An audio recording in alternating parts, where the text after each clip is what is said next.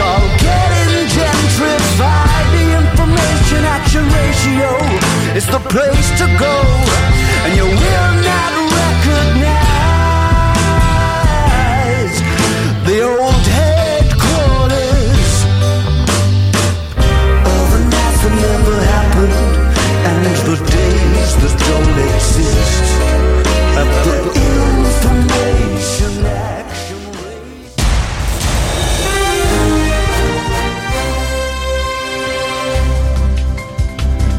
Jest godzina 13. Słuchacie sobotniego popołudnia na antenie Halo Radio. Ja nazywam się Jakub Dymek i razem z moim dochodzącym do pełni sprawności gardłem będę Państwa trzymał tutaj, miejmy nadzieję, w pełnej uwadze do godziny 15. Cieszę się, że słyszymy się po raz pierwszy po zakończeniu ciszy wyborczej, bo nasz program na antenie Halo Radio będzie musiał, będzie mógł dzisiaj wybrzmieć w pełni. E, zanim o tym, jak możecie się z nami kontaktować, e, przedstawię nadchodzących i miejmy nadzieję pewnych gości dzisiejszego programu. E, za chwilę powinien być z nami Robert Walenciak, publicysta tygodnika Przegląd, mój redakcyjny kolega, z którym podsumujemy wyniki wyborów, przeanalizujemy skład kolejnej kadencji parlamentu i zastanowimy się nad tym, kimże jest i co zawdzięczamy panu Dontowi. Następnie od godziny 13.45 dołącza do nas Agata Diluszko-Zyglewska, publicystka, działaczka społeczna, autorka książki Krucjata Polska, w której pisze o swoich zmaganiach z nadużyciami w kościele katolickim nad Wisłą.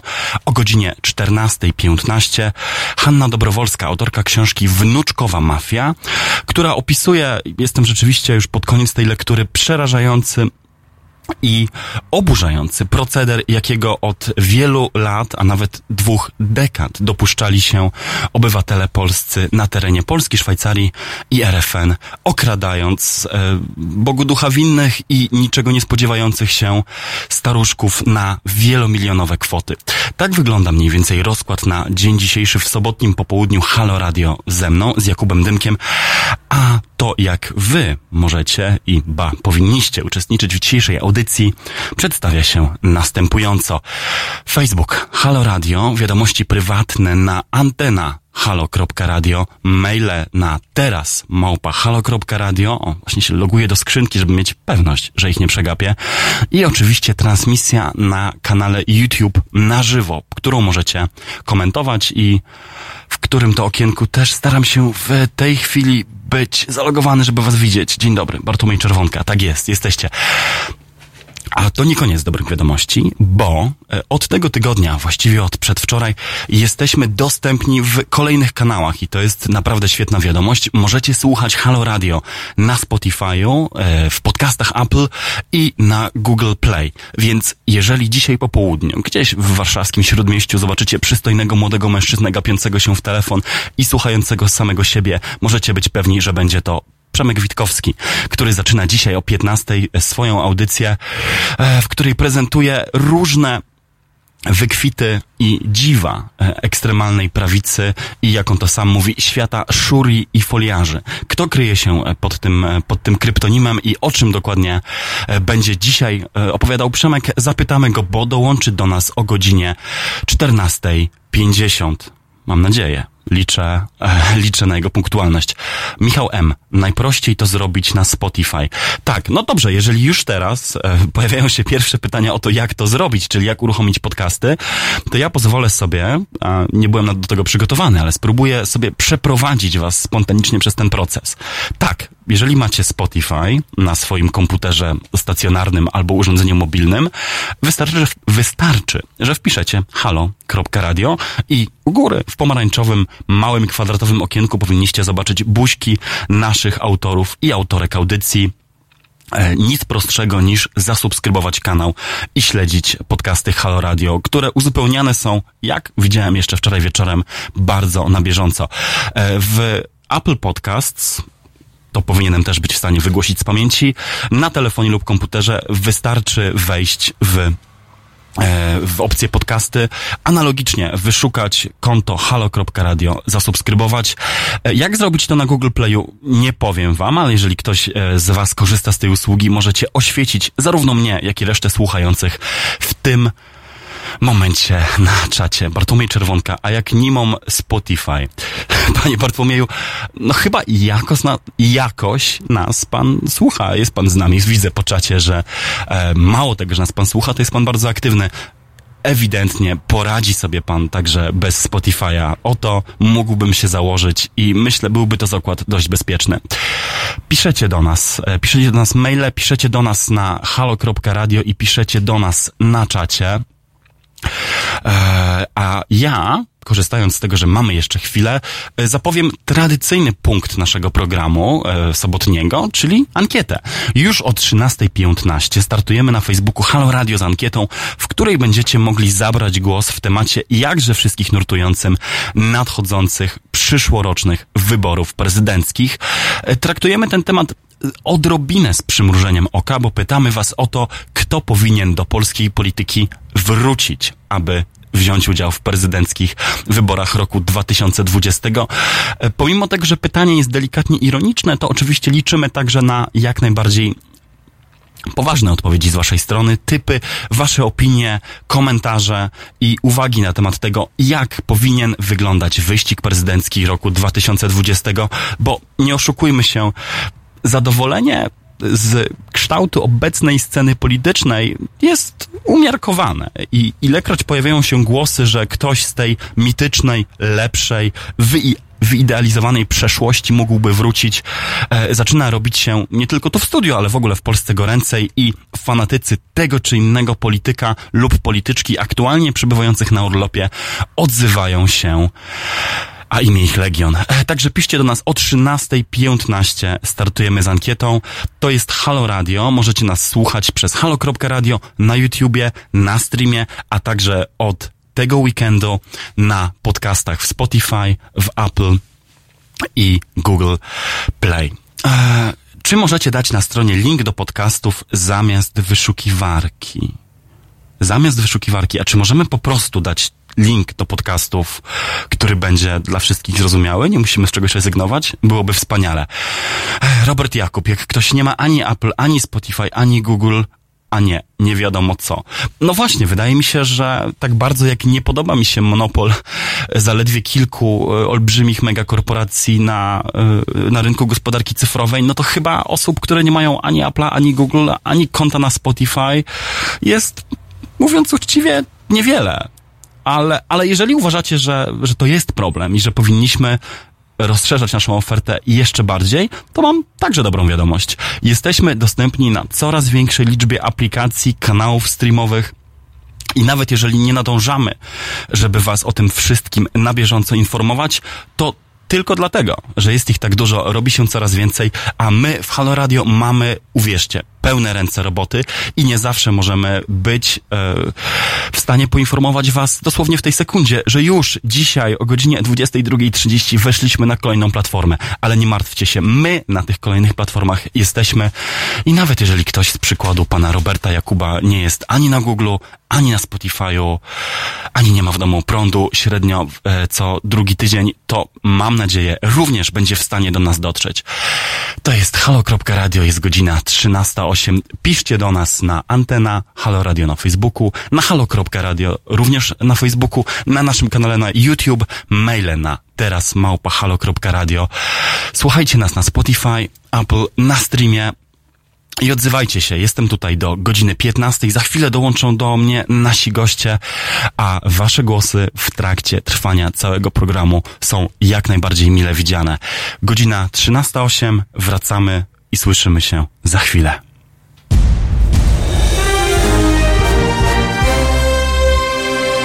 We wtorek. Między 17 a 19 Wiktor Bater, jego goście i państwo będziecie debatować o polityce międzynarodowej bez mainstreamowego zadęcia. 17-19.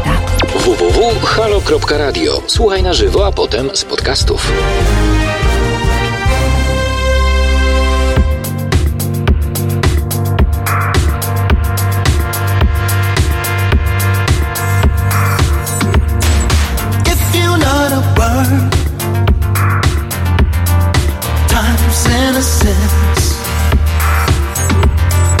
We can light a fire, sparks in a trance. In her glance, I'm looking for a star falling hills. Just let me in, we'll surrender. Oh, show it to me, babe.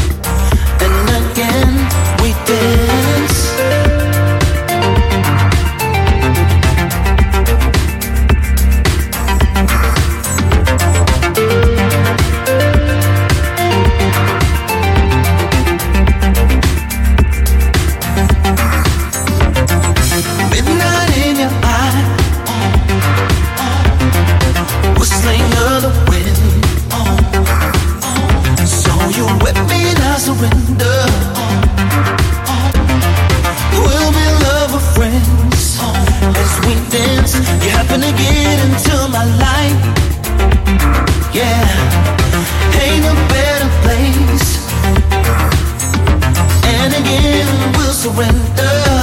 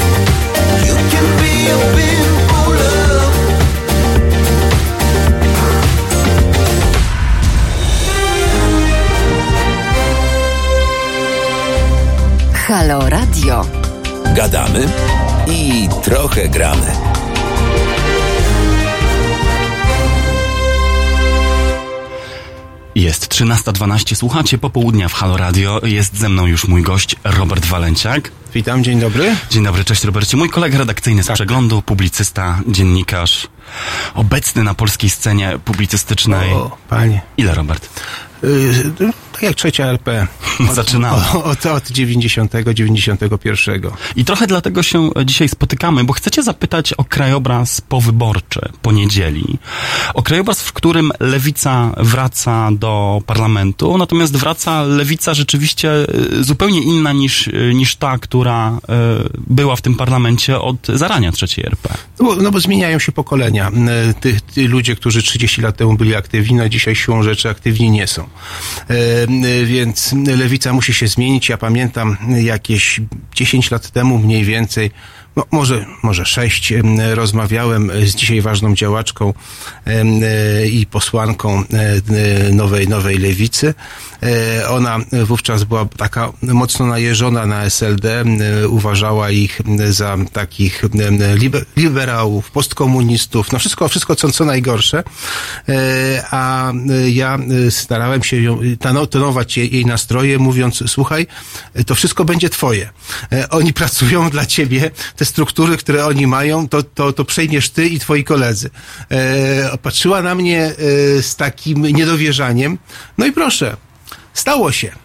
E, stało się, e, SLD nie wychowało następców, e, bo trudno nazwać tych młodych polityków, którzy przejęli władzę po, po, po, po, po, po, po, po tych, tych prawdziwych SLD-owcach, tych, tych, tych, tych głównych, jako, jako, jako następcy.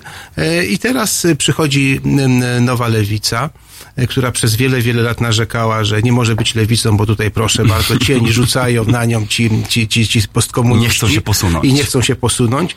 No więc teraz jest tak, że oni nie tylko się posuwają, e, ale również to, co wypracowali, e, te, te resztki tego, co wypracowali w zasadzie e, ofiarują młodej lewicy. No i, i sprawą młodej lewicy jest oczywiście, czy ona to wykorzysta, czy, czy, czy też nie. No to, to jest ich, ich mądrość. I teraz też pewne, pewien, pe, pewien rzut oka w przeszłość. Otóż e, w, parlamencie były takie sytuacje, że przychodziły e, do, wchodziły do parlamentu e, ugrupowania młodych, ambitnych, pracowitych ludzi i odnosili oni sukces. To jest rok 91, kiedy wszedł SLD Aleksandra Kwaśniewskiego. I oni rzeczywiście się absolutnie wyróżniali in plus na, na tle tamtego, tamtego parlamentu, byli dynamiczni, byli zawsze przygotowani do, do, do rozmaitych debat, byli kompetentni i, i nie, nie, nie, nie, byli oszołomami, co jest, co, co, co dla ludzi e, mających jakiś, dla lib- liberałów, dla lewicowców jest to, jest to bardzo ważne. Więc trzymali się, e, by, by byli kompetentni, trzymali się ziemi. E, No dobrze, ale w 2001 roku e, była partia, która zdobyła w wyborach 9,5% poparcia, miała 44 parlamentarzystów i to było dla niej, okazało się to dla niej genialną trampoliną, wielką trampoliną. E, To był PiS. E, Dlaczegoż tak? No oni też byli wówczas e, kompetentni, e, wiedzieli gdzie są ich wyborcy, wiedzieli jak do nich mówić, byli przygotowani do debat. Więc jest, te, te dwa przykłady pokazują, że je- jest szansa, nie można ją wykorzystać. A teraz mogę, jeszcze podam, żeby kontynuować przykłady na nie. Samoobrona, nowoczesna, No właśnie, bo Liga Polskich Rodzin. Zobacz, Robercie, w polskim parlamentaryzmie jest tak, że co kadencja, co wybory pojawia się nowa siła polityczna, która najczęściej okazuje się być efemerydą. No ten PiS i Platforma Obywatelska, które zdefiniowały polską scenę na dwie kolejne dekady, to był być może wyjątek taki dziejowy, tak? że zaczynał się wiek XXI, rzeczywiście wszyscy oczekiwali czegoś nowego i ta scena uległa radykalnej takiej wiesz, rekompozycji. E, Tymczasem wszystko, co powstało później, sam wymieniłeś. Samoobrona, Liga Polskich Rodzin, Nowoczesna, Ruch Palikota, a ostatnio Kukiz 15. Kukiz 15. Były, były to projekty jednokadencyjne. E, Jak byś bronił, czy jakbyś polemizował z tezą, że, że nowa lewica także będzie projektem efemerycznym? Nie wiem, czy będzie efemeryczny. Wszystko No to zależy. pytam, czy byś- wszystko czy byś polemizował zależy. z tak postawioną Pol- polityka, polityka jest e, zawodem. To nie jest zabawa, e, to nie jest też takie odzwierciedlenie tego, co mi w duszy gra. To jest e, naprawdę e, bardzo, ba- bardzo trudny, trudny zawód. I żeby osiągnąć sukces w polityce, no, po pierwsze, no, nie, nie wolno popełniać błędów, ale po drugie trzeba wiedzieć, gdzie są twoi wyborcy, gdzie są wyborcy tego polityka czy tej polityczki, jak do nich mówić, jak, jak, jak, o jakich problemach rozmawiamy. Trzeba być do nich przygotowanym, trzeba być kompetentnym, m, więc m, to wymaga no, no jest, jest, jest, jest, to potworne i to, no, trzeba mieć trochę szczęścia oczywiście też. Więc jest to bardzo, bardzo trudne, e, trudne zajęcie. Ja tylko pamiętam, że no, no dlaczego padła nowoczesna? No nowoczesna padła w wyniku wielu, wielu błędów, a gwoździem do trumny był wyjazd e, pana Petru e, z, e, na, na, na Maderę czy, czy, czy na jakąś inną wyspę. E, w momencie, kiedy toczyły się e, ci ciężkie boje, kiedy jego partia toczyła ciężkie boje. Podobno, podobno jak oni twierdzili, w, w ostate, w, jak, jako ostatni szaniec w obronie W demokracji. obronie polskiej demokracji. Tak, tak. E, Robercie, ty policzyłeś, że lewicy do kolejnego miejsca w parlamencie, do kolejnego mandatu tu z Warszawy, Tak, tu z ze Warszawy. stolicy. Zabrakło 454 głosów. Tak, policzyłem, no to jest dąd. To, to każdy student nauk politycznych, bodajże na drugim roku, e, bawi się w takie, na zajęciach bawi się w wyliczanie. Porównujemy sobie dąta, porównuje, porównujemy sobie Santliga, wyliczamy, e, wyliczamy to wszystko. To, to, to jest banalna sprawa, tego się można nauczyć w dwie minuty. Ale po kolei. Po kolei dla naszych słuchaczy. Tak. Lewica zebrała w Warszawie przyzwoity wynik, No, przyzwoity. Ale mogła mieć o jedno miejsce tak, więcej. dostała trzy mandaty. Mogła mieć cztery mandaty, gdyby, e, gdyby ogólnie miała e, 454 głosy więcej. To jest nic w porównaniu z tym, że w Warszawie oddano ponad milion sześćset tysięcy głosów, e, na co się złożyło milion trzysta tysięcy głosów warszawiaków i, i, i ponad 300 tysięcy głosów z zagranicy. E, no więc, więc nic. Wystarczyło lepiej e, skonstruować tę listę, która i tak była, e, no, tak jak, e, jak, jak, jak, jak wiemy, jak oceniają to fachowcy, dosyć, dosyć lekka, by te 500 głosów więcej mieć. No i to by wystarczyło. To by wystarczyło. Kandydat czy kandydatka lewicy przeskoczyłaby PiS w tym, w tym dzieleniu głosów, bo na 20 głosów w Warszawie, na 20 mandatów w Warszawie, 9 wzięła Platforma, 6 wziął PiS, 3 wzięła Lewica, po jednym Konfederacja i PSL. E, Władysław Teofil Bartoszewski z PSL. E, Więc e, i by było. I sądzę, że takich okręgów, jak, jak, jak okręg warszawski, bodajże numer 20, albo 19, albo 20, to już no, nieważne. Podwarszawski? E, Warszawski, ten, ten warszawski. To chyba 19. 19, e, to by się znalazło w Polsce więcej. E, Myślę, że w dużych miastach, zwłaszcza w dużych miastach, e, gdzie dobrze skonstruowana lista, e, co, ja rozumiem przez dobrze skonstruowaną listę, to znaczy taka, e, na której są ludzie, którzy przyciągają tych, którzy normalnie by oddali głos. Znaczy, Na kogoś innego. Tak, no, przy, znaczy po pierwsze, znaczy ona jest jak wachlarz. Dobrze skonstruowana lista jest jak wachlarz. Są ludzie prezentujący e, różne e, spektra opinii, ale one, one się łączą, e, tak jak na samym dole wachlarza, w jedność i to jest, to jest, to jest, to jest ta siła. E, I twoim dobrze- zdaniem lista warszawska lewicy taka nie była. Tak, tak, oczywiście. Ona, ona nie miała, poza Adrianem Zandbergiem nie było żadnego wyrazistego lidera. E, był Adrian Zandberg, potem była powiedzmy grupa, e, grupa e, kandydatów, nazwijmy ich e, no takiej drugiej kategorii, nie chcę ich obrażać, bo no ale, ale tak, tak, e, no, no, nie byli to liderzy, nie były to lokomotywy, no a potem były osoby, które, które rzeczywiście, których mało kto zna, więc one też nie mogły dużo, dużo dorzucić. Taka lista, która bierze 20 mandatów, powinna mieć z dwie lokomotywy przynajmniej, e, no, no, no powinna być ciężka, no to, to, jest, to jest oczywiste. E, więc jest lokomotywa, dwie lokomotywy i do tego są ludzie, którzy mają swoje nisze, którzy, tak jak na przykład w Warszawie Piotr Gadzinowski, który ma, miał swoją niszę i który potrafił przyciągnąć, przyciągnąć e, do siebie jak, jakąś grupę. E, Dobrze, Robercie, wyłącz spokojnie, tele, wyłącz spokojnie O, telefon. Wyłączony się, tutaj się nie pali. E, przepraszam. E, więc tak, tak, tak, tak by to wyglądało. Ale oddając, oddając tej lewicy trochę sprawiedliwości, czy nie jest tak, że wszyscy poza Prawem i Sprawiedliwością mieli słabe i listy? Nie, nie ulepione na maksimum To znaczy, możliwości? myślę, że słowo wszyscy jest tutaj nietrafne, bo wydaje mi się, że PSL miał dobre listy i widać to po, po ich wyniku, wyższy niż y, wszyscy się spodziewaliśmy. No i Konfederacja miała na, y, no, no siłą rzeczy też miała e, listy, jakie miała. E, oczywiście Platforma miała fatalne listy. To, to, to, to, to, to też moim zdaniem jeszcze gorsze niż, e, niż Lewica. E, a dlaczegoż? Otóż e, w ostatnich latach e, pojawił, pojawiły się ruchy obywatelskie na polskiej scenie. E, Pojawiło się całe e, grupy protestu. E, Wykreowali się nowi liderzy.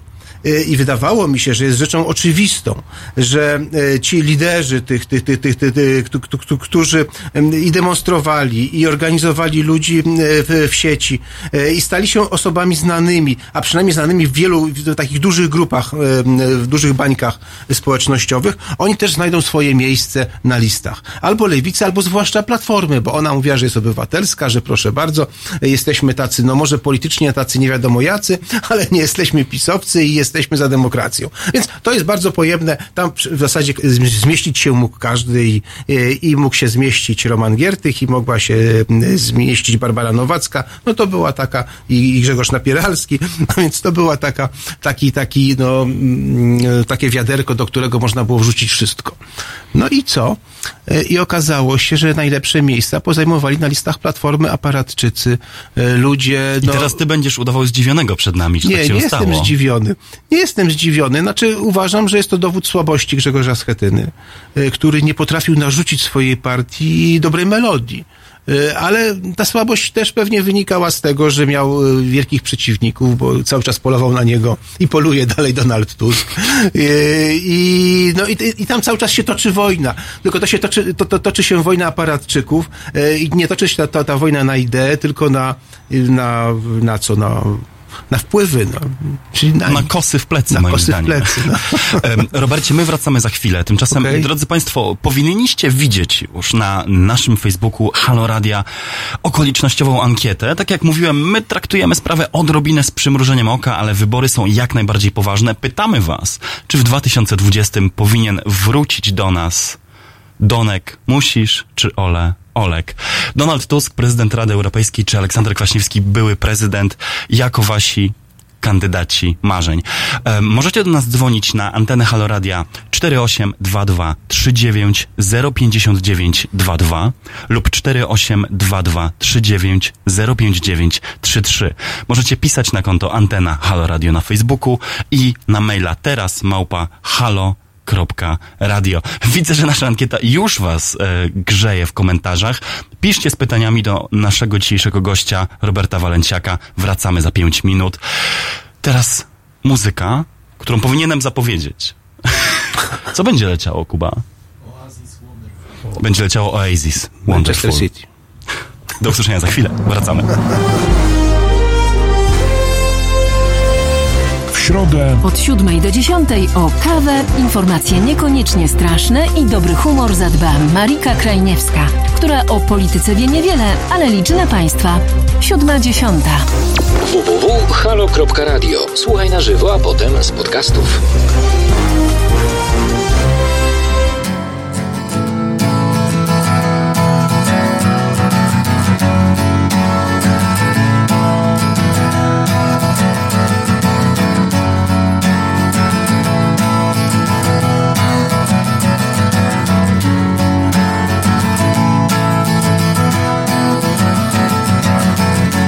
Today is gonna be the day that they're gonna throw it back to you.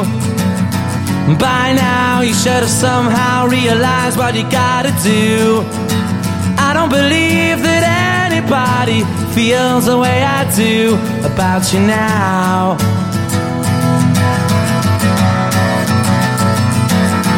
Backbeat, the word is on the street that the fire sure you've heard it all before, but you never really had a doubt.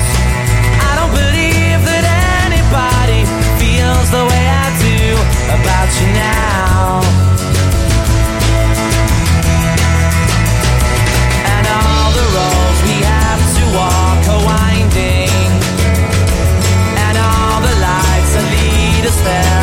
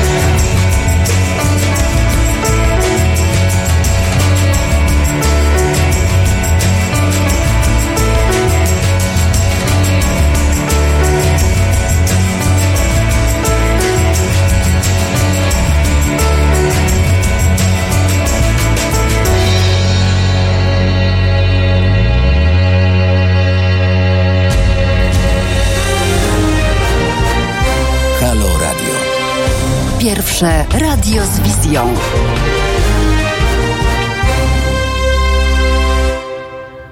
13.30. Słuchacie sobotniego popołudnia Halo Radio i ja nazywam się Jakub Dymek. Moim gościem jest wciąż Robert Walenciak, mój redakcyjny kolega, publicysta i dziennikarz tygodnika Przegląd. Zastanawiamy się nad losami naszej parlamentarnej lewicy. Mm. Parlamentarnej od raptem tygodnia, bo była długa, długa przerwa. Zapytaliśmy naszych słuchaczy na Facebooku, kto byłby lepszym kandydatem na urząd prezydencki e, i zapytaliśmy się w ogóle, co o tych perspektywach myślą i pojawiło się, e, pojawiło się pytanie, nad którym myślę obydwaj mogą moglibyśmy się pochylić. Piotr Lak pyta, czy w 38-milionowym kraju nie można było znaleźć świeżego kandydata na urząd prezydencki? No właśnie, jak to jest? No nie, no był, był kandydat świeży urząd na, e, je- jest przykład świeżego kandydata na urząd prezydencki. E, To była wtedy, to było zaskoczenie. E, Podam jego nazwisko imię. To była Magdalena Ogórek. Ona była absolutnie świeża i, no i jak wyszło, tak, tak, tak wiemy. I, i nie jest to e, przypadek. E, Świeży kandydat e, wiąże się z absolutnym ryzykiem em, wpadki, no, z absolutnym ryzykiem wszystkiego. Jak już mówiłem, polityka jest zawodem, bardzo ciężkim zawodem, do którego się trzeba długo przygotowywać i no, trzeba mieć do tego wielkie umiejętności, wielką pracę trzeba wykonać mieć do tego jeszcze talent. To naprawdę jest, jest rzecz dana na nie- niewielu. I, i, i w związku z tym, jeżeli ktoś walczy o urząd prezydencki i, walczy o głosy wszystkich Polaków, e, to, to nie może to być świeżynka, e, żadna nowalika, tylko musi to być, e, musi to być ktoś poważny, kto na polityce zęby zjadł. Czy Andrzej Duda w roku 2015 był tym poważnym kandydatem, o którym teraz mówi? Nie był. Nie był, ale on był przedstawicielem bardzo ciekawej takiej grupy.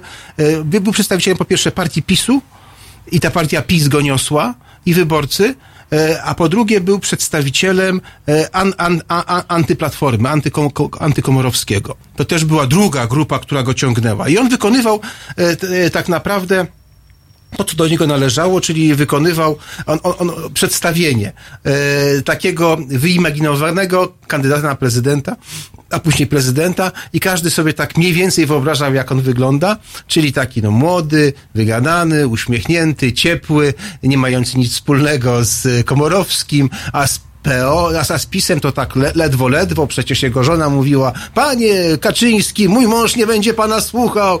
I, więc, No wszyscy doskonale, więc, więc tak to wszyscy i, i ludzie to wiemy, jak to się skończyło. E, Tak. Słuchaj, ty miałeś, ty miałeś okazję rozmawiać z panem prezydentem Aleksandrem Kwaśniewskim e, kilka dni temu dla przeglądu. E, Powiedz Będzie mi, w poniedziałek, będzie ta rozmowa. czego się dowiedziałeś od pana prezydenta na perspektywy na najbliższe lata? czego się dowiedziałem.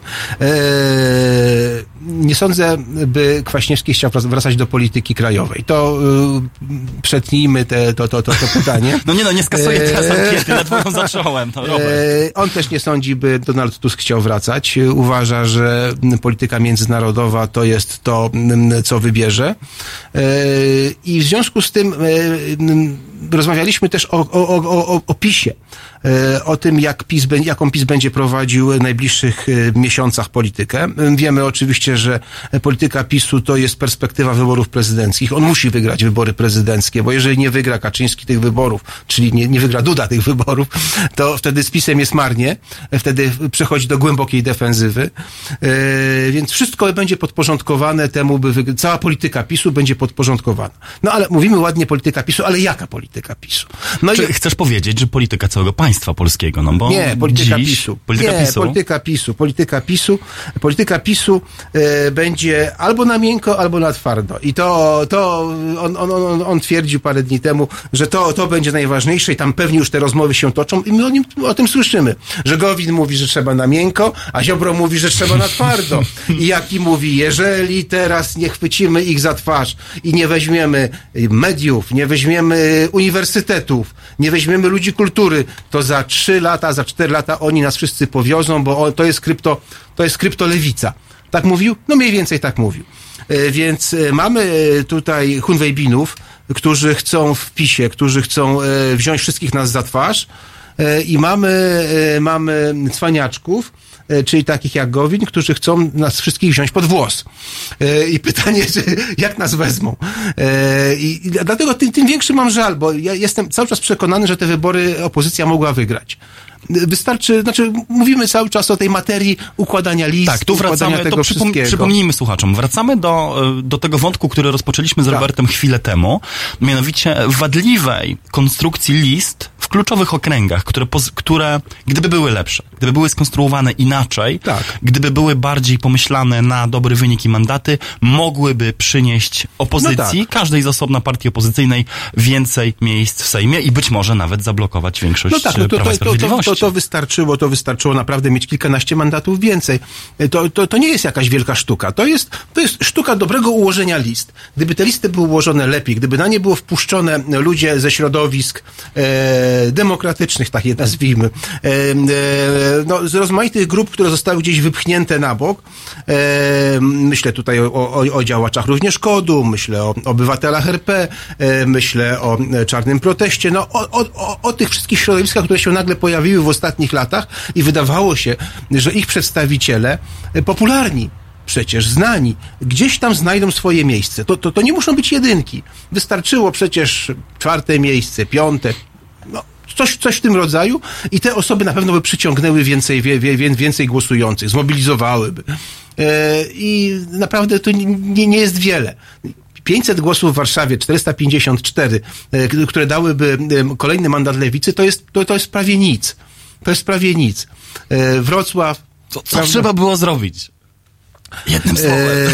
E, Odważ się. Jeżeli Czarzasty jeżeli Schetyna układali listy wyborcze, e, oni kierowali się w dużym stopniu, w dużym, nie mówię, że w decydującym, ale w dużym stopniu interesem swoim, e, swoich, swoich koterii. Tak to nazwijmy. Gdyby w mniejszym stopniu kierowali się swoim interesem, gdyby się otworzyli na ludzi, których nie są w stanie kontrolować, ale o których wiedzą, że oni przyciągną głosy, to wówczas zdobyliby te parę głosów więcej. I wówczas byliby mocni. I to jest, to jest przykład Kwaśniewskiego, o którym, Mhm. w którym, którym wspomnieliśmy. Kwaśniewski, gdy budował SLD, y, nie, nie, nie był tak mocno przywiązany do tego, by tylko jego ludzie y, szli, by byli na, na, na, na dobrych miejscach. On czuł się na tyle mocny, że kierował się prostą zasadą. Przyciągnie wyborców taki człowiek, czy nie przyciągnie?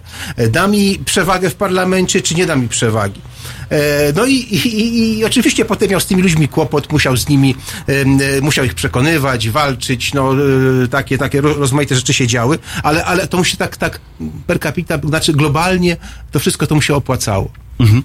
E, Czy lewica mogła zdobyć więcej? E, Odpowiedzcie lub pomóżcie nam odpowiedzieć na to pytanie, pisząc maile na teraz małpa halo.radio lub zabierając głos na naszym Facebooku pod naszą facebookową ankietą. A ja, Robert, skoro rozmawiamy o kandydatach dobrych i złych, chciałbym e, zacytować Ci wypowiedź Agnieszki Dziemianowicz-Bąk z dzisiejszego poranka w, w innej rozgłośni radiowej, która odrzuciła po pierwsze pomysł e, wspólnego kandydata prezydenckiego całej opozycji. No, to, to poniekąd zrozumiałe, ale e, odrzuciła też pomysł e, prawyborów wewnątrzlewicowych. A tutaj nasi słuchacze, mamy takie głosy, mówią, że, że to byłby właściwie jedyny słuszny pomysł, czyli oddanie jak to na lewicowe środowiska e, przystało, głosu samym wyborcom i, i, i samym, samym zainteresowanym tym, kto miałby w kolejnych wyborach prezydenckich lewe skrzydło sceny politycznej reprezentować. Jak ty się do tej wypowiedzi odnosisz Ja- i co myślisz byłoby najlepsze? Znaczy oczywiście y, pierwsze, pierwsze założenie to y, lewica musi mieć swojego kandydata w wyborach prezydenckich. Jest A nie wspólnego ze Schetyną. No nie, no broń Boże. Mhm. To, to, jest, to, jest, to jest kwestia tożsamości. Myślę, że te wszystkie koncepcje koalicji obywatelskiej, które, które m, kontynuował SLD swego czasu, e, to było samobójcze dla lewicy, a, i, i, i gdyby, gdyby potoczyły się e, tak, że e, Czarzasty by został z, ze Schetyną w koalicji w wyborach parlamentarnych, no to, to byśmy mogli zanotować śmierć SLD i, i i taką lewicę na poziomie może Konfederacji, a może jeszcze gorzej.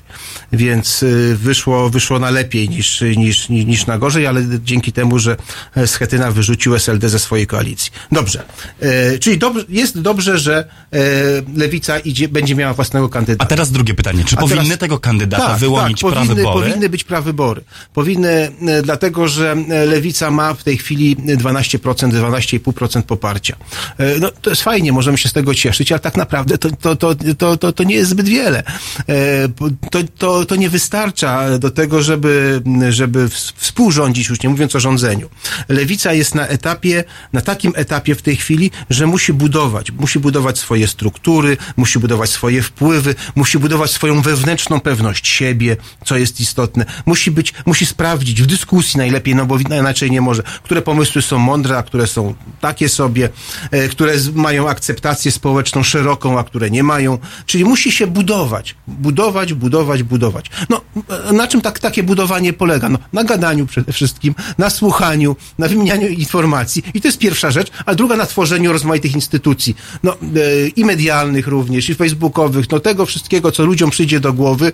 E, no, ważne, żeby działali, żeby się ruszali, żeby, żeby e, ta aktywność społeczna, żeby rosła, a nie malała. No i, i wiara w to, że jest jakiś gdzieś lepszy świat, który możemy zbudować, że jest lepsza Polska, którą sobie stworzymy sami. E, więc e, no.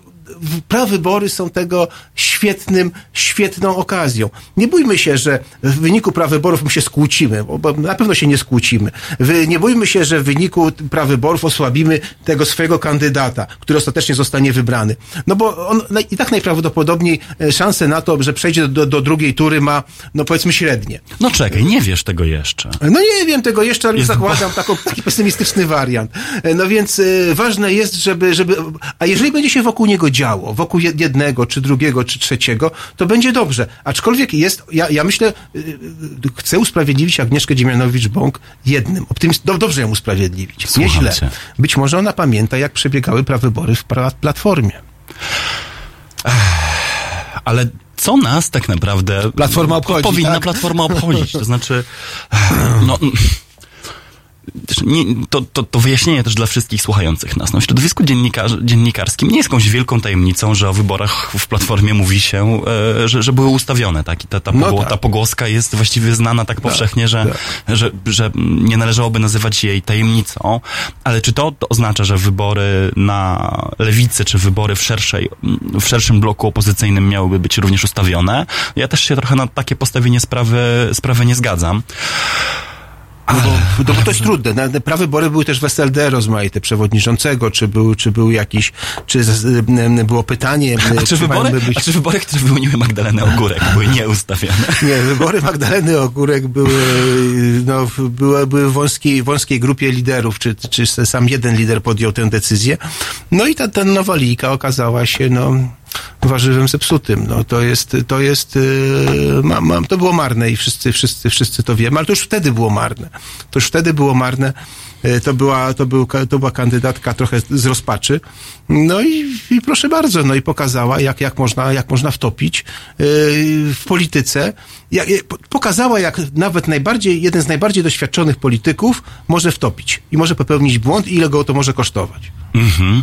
E, Lewica, pisze Piotr Romejko. Oczywiście mogła mieć więcej. SLD 8%, wiosna 6%, razem 1% daje 15%. Ale opozycja chyba nie chciała jeszcze wygrać, bo najpierw musi się wyłonić w tej kadencji główna siła opozycyjna. No tak, no. Ja myślę, że opozycja chciała wygrać. Ja myślę, że Schetyna nie szczególnie właśnie. E, myślę, że e, to znaczy co wygrać. Schetyna miał ki- kilka gier, które, które rozgrywał równocześnie. Jego pierwszą grą było to, że ma zostać liderem Platformy. E, i, a jego wrogowie w Platformie mają zostać pognębieni. I to była jego pierwsza gra, najważniejsza z jego punktu widzenia. E, No, jeżeli tak się gra, to ta druga gra, e, żeby pokonać PiS i wziąć władzę, jest już na drugim planie. E, I nie ma tego zapału. I wtedy można głupio ułożyć listę wyborcze, bo się wstawia swojego zaufanego człowieka, o którym się wie, że jest taki, bo tak nienawidzi Tuska, a jest tak oddany Schetynie. No ale co z tego, jak wyborcy mają to w nosie i nie chcą na niego głosować. No więc e, to jest, to jest ten kłopot e, wielkich firm, które są e, takich, takich wielkich partii, które mają aparat i ten aparat zaczyna rządzić, rządzić głową.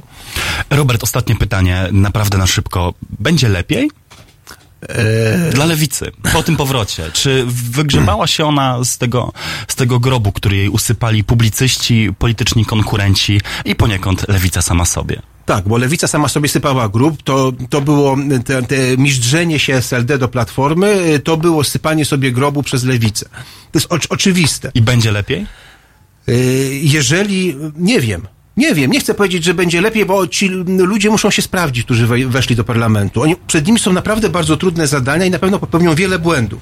E, Ale jeżeli będą na tyle inteligentni, jak, jak była lewica w 91, czy jak był PiS w 2001, no to, to wszystko przed nimi. To był, proszę Państwa, umiarkowanie optymistyczny Robert A. Walenciak z tygodnika Przegląd. E, Jest godzina 13.45. Możecie do nas pisać na terasmałpahalo.radio lub na antena Halo Radio na Facebooku lub na transmisji na żywo w e, naszym kanale e, na platformie YouTube. Wracamy za chwilę z Agatą Diduszko-Zyglewską, działaczką, publicystką, autorką książki Krucjata Polska.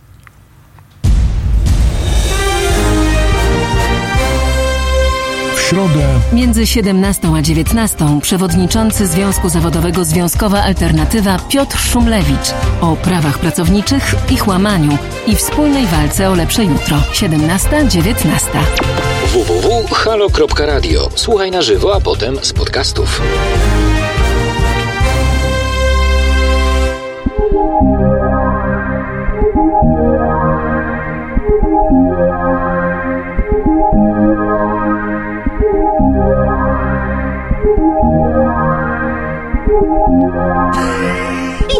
Always tired, chasing time.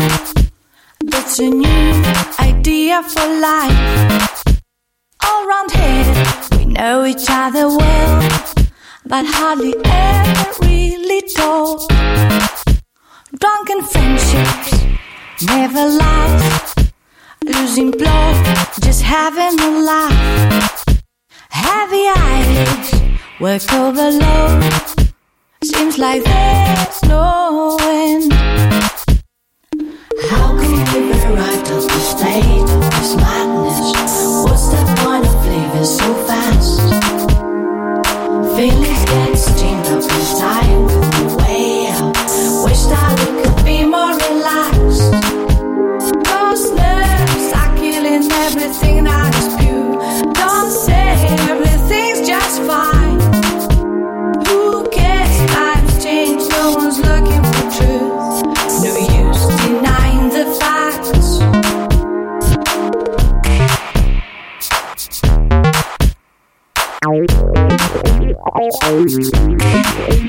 Empty secret dreams.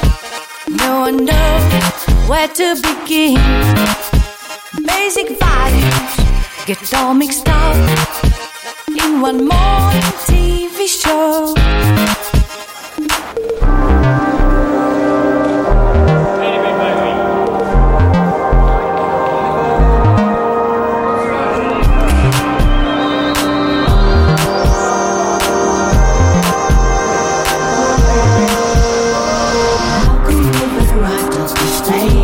Madness? What's the point of living so fast? Feelings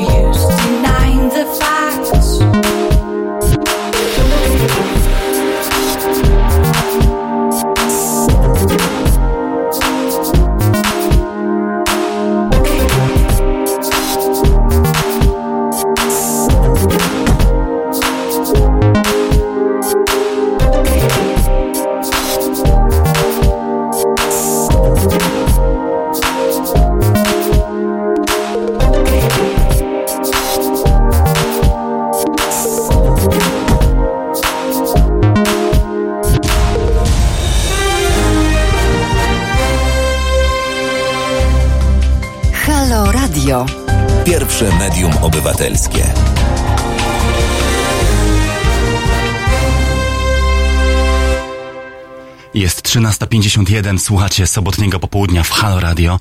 Ja nazywam się wciąż, bez zmiany, Jakub Dymek, jest z nami już Agata Diduszko-Zyglewska, działaczka społeczna, publicystka, radna miasta stołecznego Warszawy i autorka tej książki. Kuba, pilnuj, żeby pokazali mnie z dobrej kamery. Dziękuję. Autorka tej książki, dobrze? Krucjata Polska. E, Dzień dobry Państwu. Dzień dobry, cześć Agato. Nie będziemy udawać, że jesteśmy per pan pani. Dobrze. Bądźmy, bądźmy uczciwi wobec naszych słuchaczy.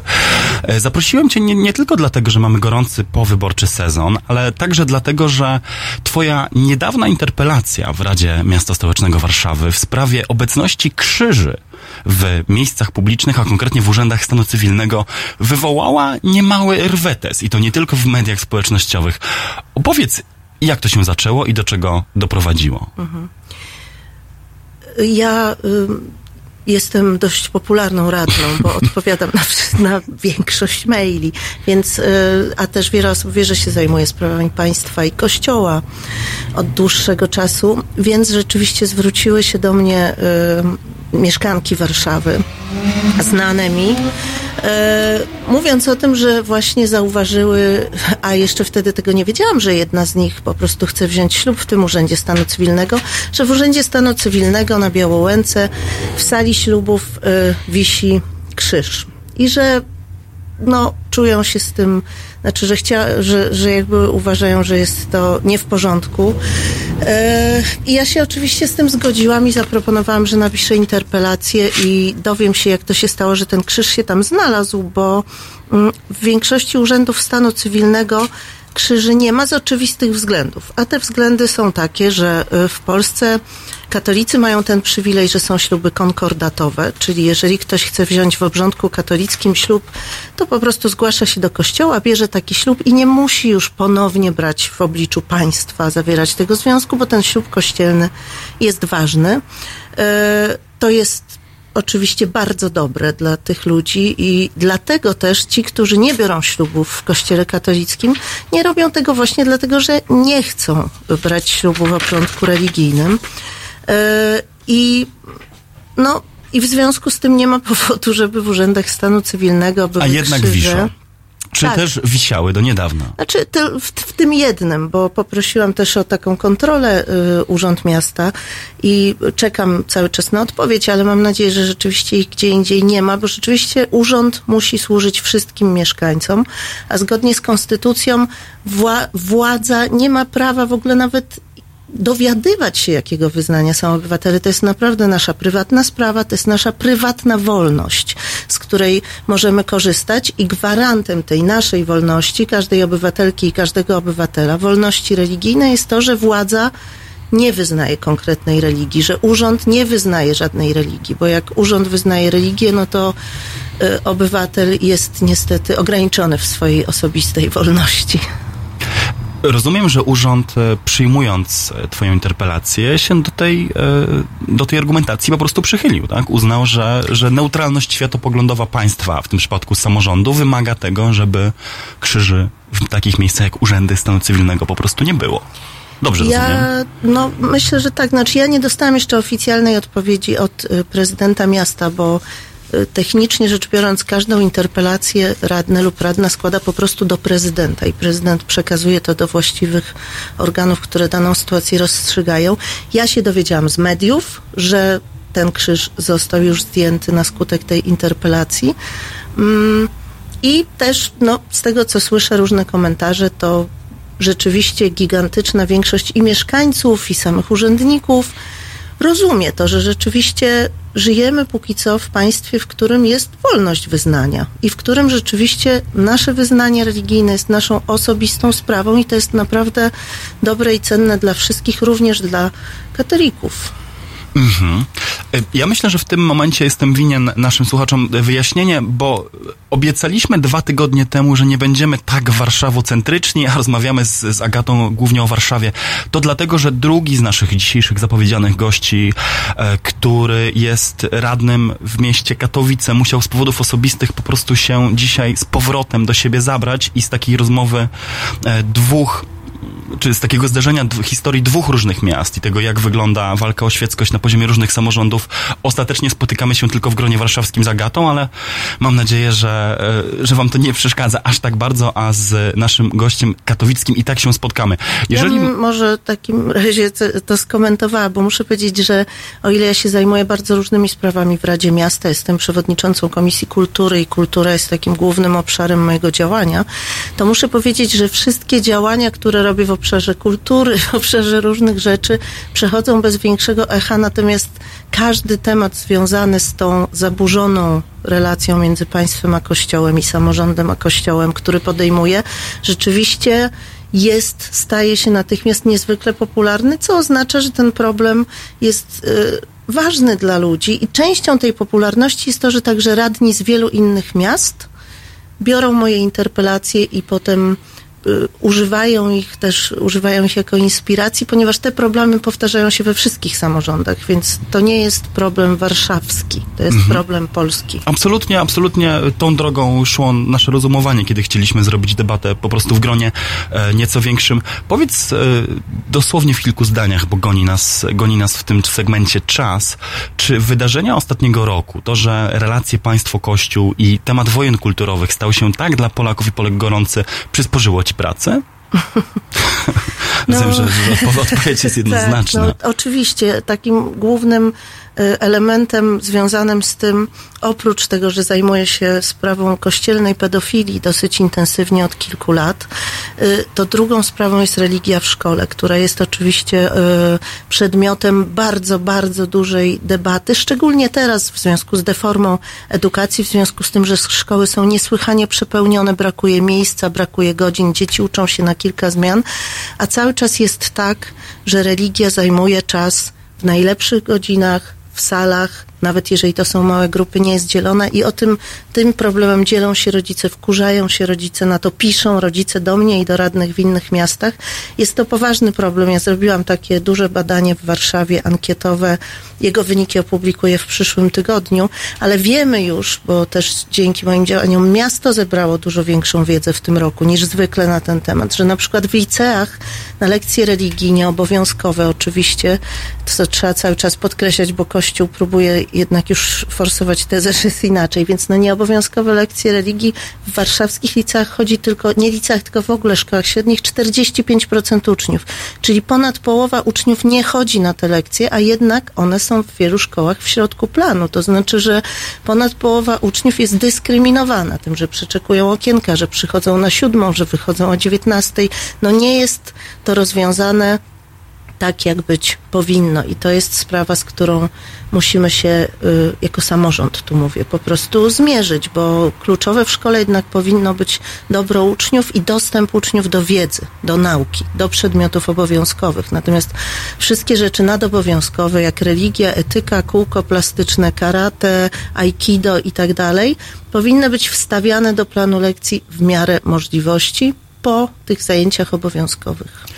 Jest 13.59, to jest Agata Diduszko-Zyglewska. E, słuchacie popołudnia w Halo Radio. Pytania do bohaterki naszej audycji możecie zadawać tradycyjnymi kanałami przez e, YouTube halo.radio, nasz Facebook i e-mail teraz małpa halo.radio. Na naszej antenie w tak zwanym muzycznym przerywniku Fox i Overload my wracamy po 14 do kolejnej części naszej rozmowy z Agatą Diduszko.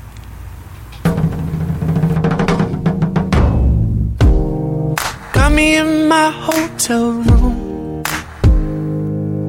Oh. More pillows I could ever use. Think they call it luxury.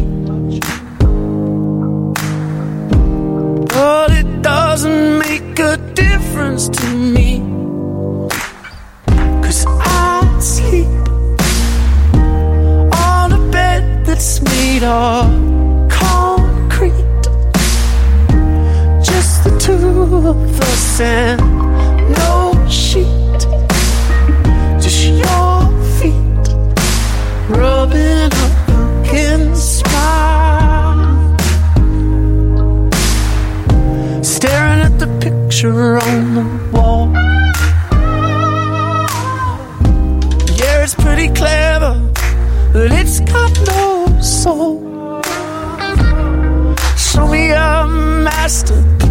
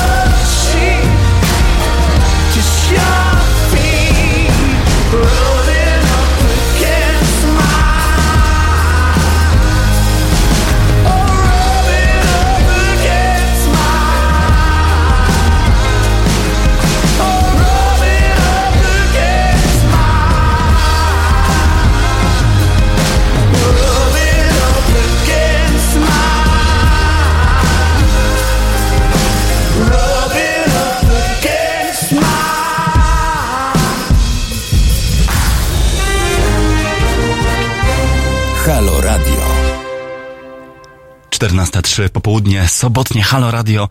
Ja nazywam się Jakub Dymek, jest ze mną wciąż Agata Diduszko-Zyglewska, działaczka, publicystka, radna mia- miasta stołecznego Warszawy i ulubiona bohaterka polskiej religijnej prawicy. Antybohaterka powinienem był powiedzieć. Agato, To prawda, nikt tak jak prawica nie śledzi szczegółowo przebiegu mojej kariery. Agato, Żarty na bok, bo sprawa jest, sprawa jest poważna. Trwa publicystyczna i polityczna i ogólnospołeczna debata nad tym, czego właściwie y, dotyczy tak zwany projekt zakazu edukacji seksualnej. Projekt obywatelski, przypomnijmy, bo słusznie lub niesłusznie obwinia się za jego procedowanie Prawo i Sprawiedliwość, ale to jest projekt obywatelski, który, który wpłynął do Sejmu i który nie wiedzieć dlaczego rozważany jest teraz, kiedy kadencja jest już u samego końca. E, Kontrowersji nie brakuje. E, Powiedz, czego, czego, o, o co tak naprawdę w tym projekcie Twoim zdaniem chodzi? No, tak naprawdę w tym projekcie, moim zdaniem, chodzi oczywiście o odwrócenie uwagi od e, kościelnej pedofilii. My mamy za sobą taki gorący rok pod tym względem, bo e, między innymi dzięki moim działaniom, działaniom Janny Szojring-Wielgus i kilku innych osób, e, Tomka Sekierskiego, Marka Sekierskiego, Fundacji Nie Lękajcie się, wydarzyło się bardzo dużo, to znaczy powstała mapa kościelnej pedofilii, na którą zanotowaliśmy już ponad 11, prawie 11 milionów wejść i którą ja się zajmuję na bieżąco. Raport, gdzie pierwszy raz zapisałyśmy z imienia i nazwiska polskich biskupów odpowiedzialnych za tuszowanie pedofilii, wreszcie y, film Sekielskich, wcześniej Kler Smarzowskiego. Więc temat pedofilii stał się już, już czymś, o czym nie można milczeć. I y, od wielu miesięcy polski episkopat robi taką gigantyczną kontrofensywę i ten atak na edukację seksualną, także atak na gejów i lesbijki jest częścią tego. Nagle mamy myśleć nie o tym, że jacyś księża bezkarnie przez ileś tam dekad gwałcili i molestowali w Polsce dzieci, y, że różne rzeczy niestety być może dzieją się też teraz i że wciąż nikt nie poniósł za to kary prawie. Tylko mamy myśleć o tym, że dzieci są zagrożone tym, że się dowiedzą podczas lekcji edukacji seksualnej, jak ustrzec się przed pedofilem, kto to jest, jakich granic dorosły nie może przekraczać. No jest to odwrócenie kota ogonem i wyjątkowo perfidna taktyka. Robert Jakub pyta się nas na czacie, co do tej ustawy. Chciałbym się zapytać, czy 5 lat będzie groziło także nauczycielowi biologii? Bo przecież tam mówią o seksualności, o narządach i tym podobne. No, co ciekawe, pan Robert sam się ocenzurował, mówiąc i tym podobne i zostawiając tu trzy kropki na końcu swojego pytania. Agato, czy... No dokładnie o to chodzi. Rzeczywiście jakby w samej treści ustawy w tym punkcie tam 200b nie napisano, że chodzi o nauczycieli, natomiast już, w uzasadnieniu napisano, że rzeczywiście tym zagrożeniem, że tu jakby jest jasne, że chodzi o e, edukację. Mm, I jest to problematyczne, bo o ile to nie jest wprost w ustawie, to to, co ma wywołać ta ustawa, to jest efekt mrożący, czyli to, że rzeczywiście dyrektorzy szkół będą się bali zapraszać edukatorów e, do szkół, nauczyciele będą się bali mówić dzieciom, nastolatkom o pewnych rzeczach, o antykoncepcji, o tym, jak bezpiecznie współżyć i tak dalej. A fakt jest taki, i warto przytoczyć te liczby, że w Polsce około 16 16 tysięcy nastolatek rocznie rodzi dzieci. Że Polska jest jednym z niewielu europejskich krajów, gdzie zdarzają się ciąże 11-12-latek. I to jest rzecz makabryczna, bo to są naprawdę dzieci, które są ofiarami przestępstw po prostu, a wynika to z tego, że ludzie nie wiedzą, nie chcą wiedzieć, nie chcą widzieć, e, nie chcą o tym mówić, bo to jest temat tabu i rzeczywiście takim źródłem tabuizacji tematu seksu jest Kościół, a w kontekście działalności niektórych księży sprawców pedofilii, jest to naprawdę y, paskudna rzecz. I myślę, że trzeba mówić o tym, że o ile rzeczywiście jest tak, że większość księży oczywiście nie jest pedofilami, tego nie twierdzi, to niestety przeniesienie jednego księdza sprawcy, a pokazujemy to w naszym raporcie, że każdy z nich jest przenoszony do kilkunastu różnych parafii zamiast wys- wysyłany na policję, wymaga interwencji kilku biskupów, więc większość biskupów po prostu wiedziało, nie reagowało i pozwalało na ten proceder. I stąd ten opór Kościoła przed skupieniem się społeczeństwa na tym temacie i stąd temat zastępczy, który jest niesłychanie szkodliwy dla polskich dzieci. Mhm. Bo te- rzeczywiście... mamy, mamy telefon chyba, ale zanim jeszcze... O, Jesteśmy? Tak. Halo? Halo, Halo, halo, słuchamy, jesteśmy na antenie Halo Radio. e, z tej strony Barbara z USA. Słucham z zaciekawieniem tej dyskusji z panią Dyduszko, y, ponieważ znam Panią e, z opowiadań, że tak powiem, i z audycji. I bardzo się cieszę, że mogę z Panią porozmawiać. Wie Pani, mam 70 lat i stoją przede mną w tej chwili takie trzy obrazki, jeżeli chodzi o religię. Pierwszy to taki z podręcznika dawnego komunistycznego historii, gdzie em, dziewczynka z zaboru pruskiego y, stoi i e, przez fartuszek szkolny, taki zakładany, nie taką sukienkę, tylko taki fartuszek jak kuchenny, tylko specjalnie szyty i przez ten fartuszek y, trzyma podręcznik do nauki religii, ale który jest po niemiecku. I ona nie chce go wziąć, a musi. I ten obraz stoi mi przed oczyma y, cały czas. Czyli ta religia po niemiecku jest, była nie do przyjęcia. Potem mam taki drugi, taki wspomnieniowy, już osobisty. Y, nauka religii była w szkole w czasach komunistycznych, w latach 50. i mnie odjęła w pierwszej i drugiej klasie. I przypominam sobie takie e, lekcje nie były w jednej klasie, tylko kilka klas było nas strasznie dużo w jednym pomieszczeniu.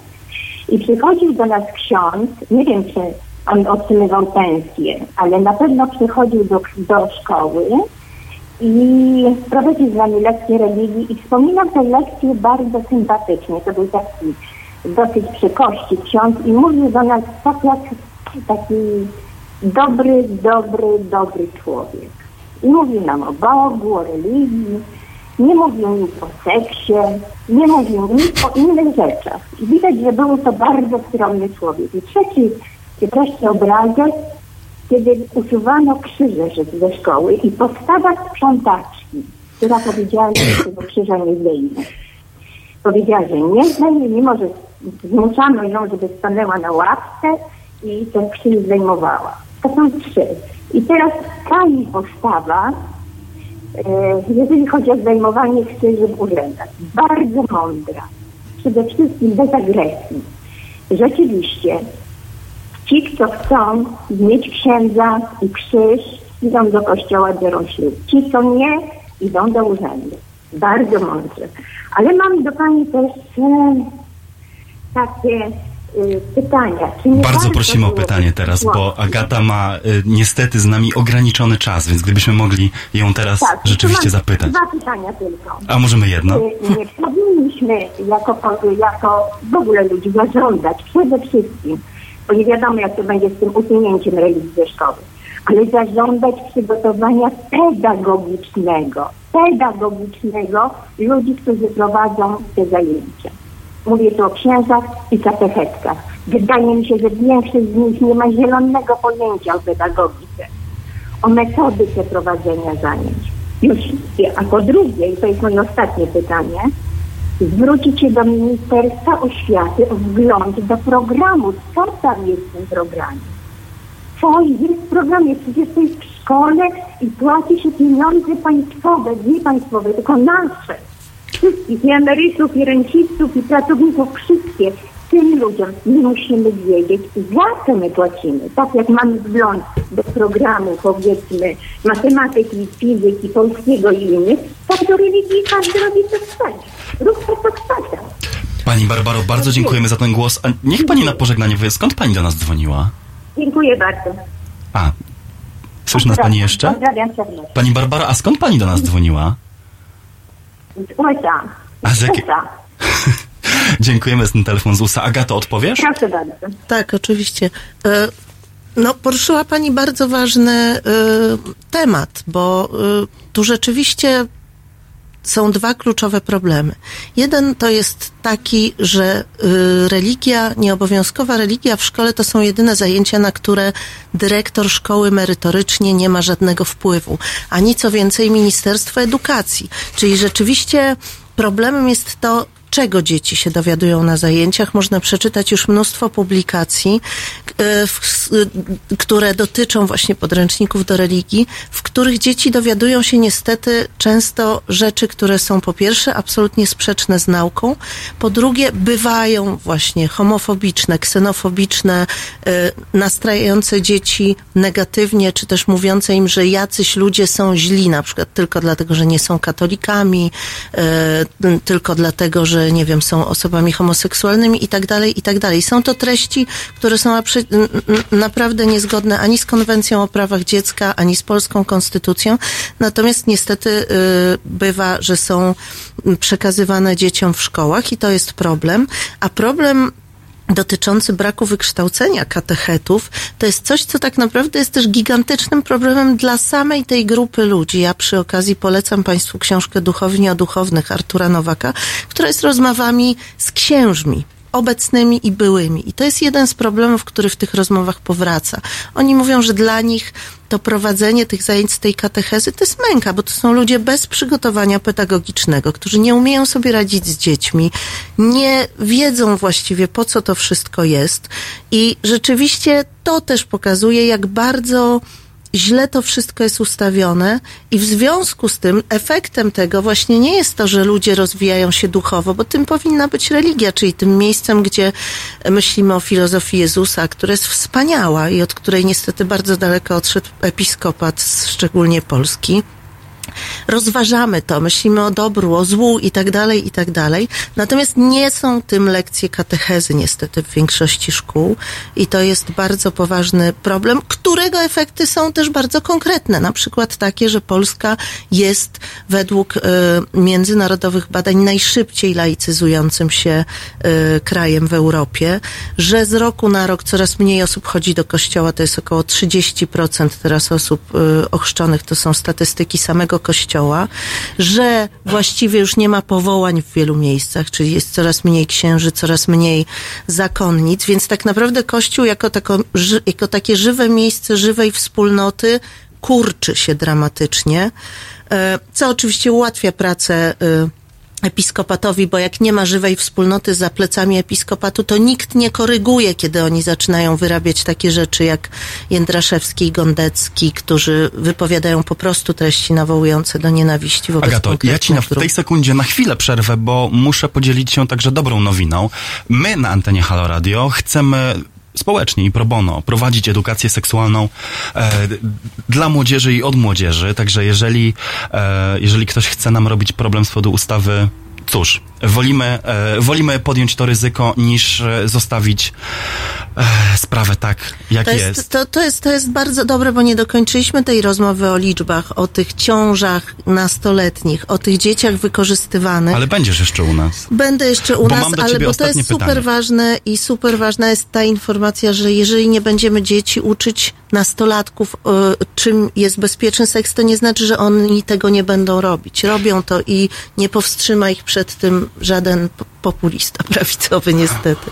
E, tak jest. E, Jeżeli chcecie więcej dowiedzieć się na temat projektu edukacji seksualnej na antenie Halo Radio, sprawdzajcie nasze strony halo.radio i halo.radio Facebook. A ja do ciebie, Agato, mam ostatnie pytanie, bo e, postanowiłem tutaj przeczytać głos, który idzie trochę pod włos i, i nie, jest, nie jest jednym z tych bardzo licznych zresztą na naszym czacie w tym momencie pozytywnych i em, zachęcających głosów. Problemem nie jest pedofilia, tylko 19 miliardów, które kosztuje nas Kościół, pisze nasz słuchacz. Kościół ma pedofilię w dupie, bo nie są zagrożone jego pieniądze. Jak załatwia się mafię? Nie robi się mapy, tylko się odcina ich od pieniędzy. Czy, czy, czy, yy, czy ty czy ty wszystko- przyjmujesz ten zarzut, że, że, że, że to jest tak, że... Znaczy ja jako y, osoba, y, jako społeczniczka mogę zrobić mapę, która pokazuje skalę problemu. Chcesz e, powiedzieć, że nie jesteś której, w CBA? Natomiast nie jestem y, w parlamencie, nie należę do większościowego ugrupowania w parlamencie, w związku z tym odcięcie y, środków finansowych Kościoła jest daleko poza zasięgiem moich możliwości, aczkolwiek zgadzam się z tym. Natomiast to wszystko jest część tego samego problemu, ponieważ księża mają kłopoty i obsesje seksualne, dlatego że nie mogą prowadzić, tak jak w innych obrządkach mogą, tak nie mogą w Kościele katolickim życia seksualnego legalnie, bo jest celibat. Celibat jest dlatego, że dzięki temu Kościół może zachować swój majątek, tak? No dlatego wprowadzono celibat, żeby nie dzielić na dzieci księży majątku kościelnego. Rozmowa o zniesieniu celibatu jest jedną z ważnych rozmów toczących się w światowym kościele katolickim, bo sami księża mają Nie możemy uniknąć, dosyć. e, znaczy nie możemy nie powiedzieć o tym, że trwa właśnie przecież kongres Amazonii poświęcony właśnie Dokładnie problemowi tak.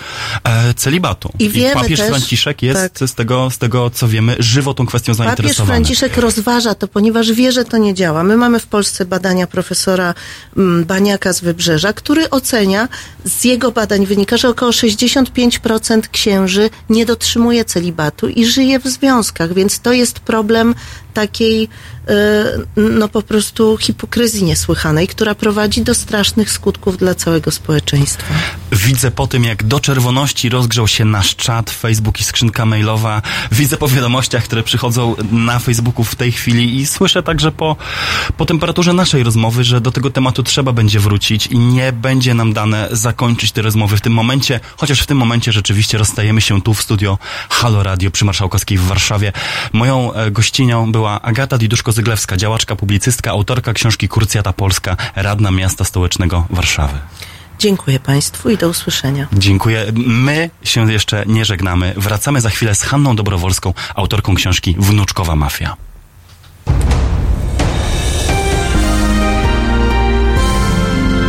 Jutro. Między 17 a 19 Tomasz Raczek i fascynujący świat filmów. 17-19. www.halo.radio. Słuchaj na żywo, a potem z podcastów.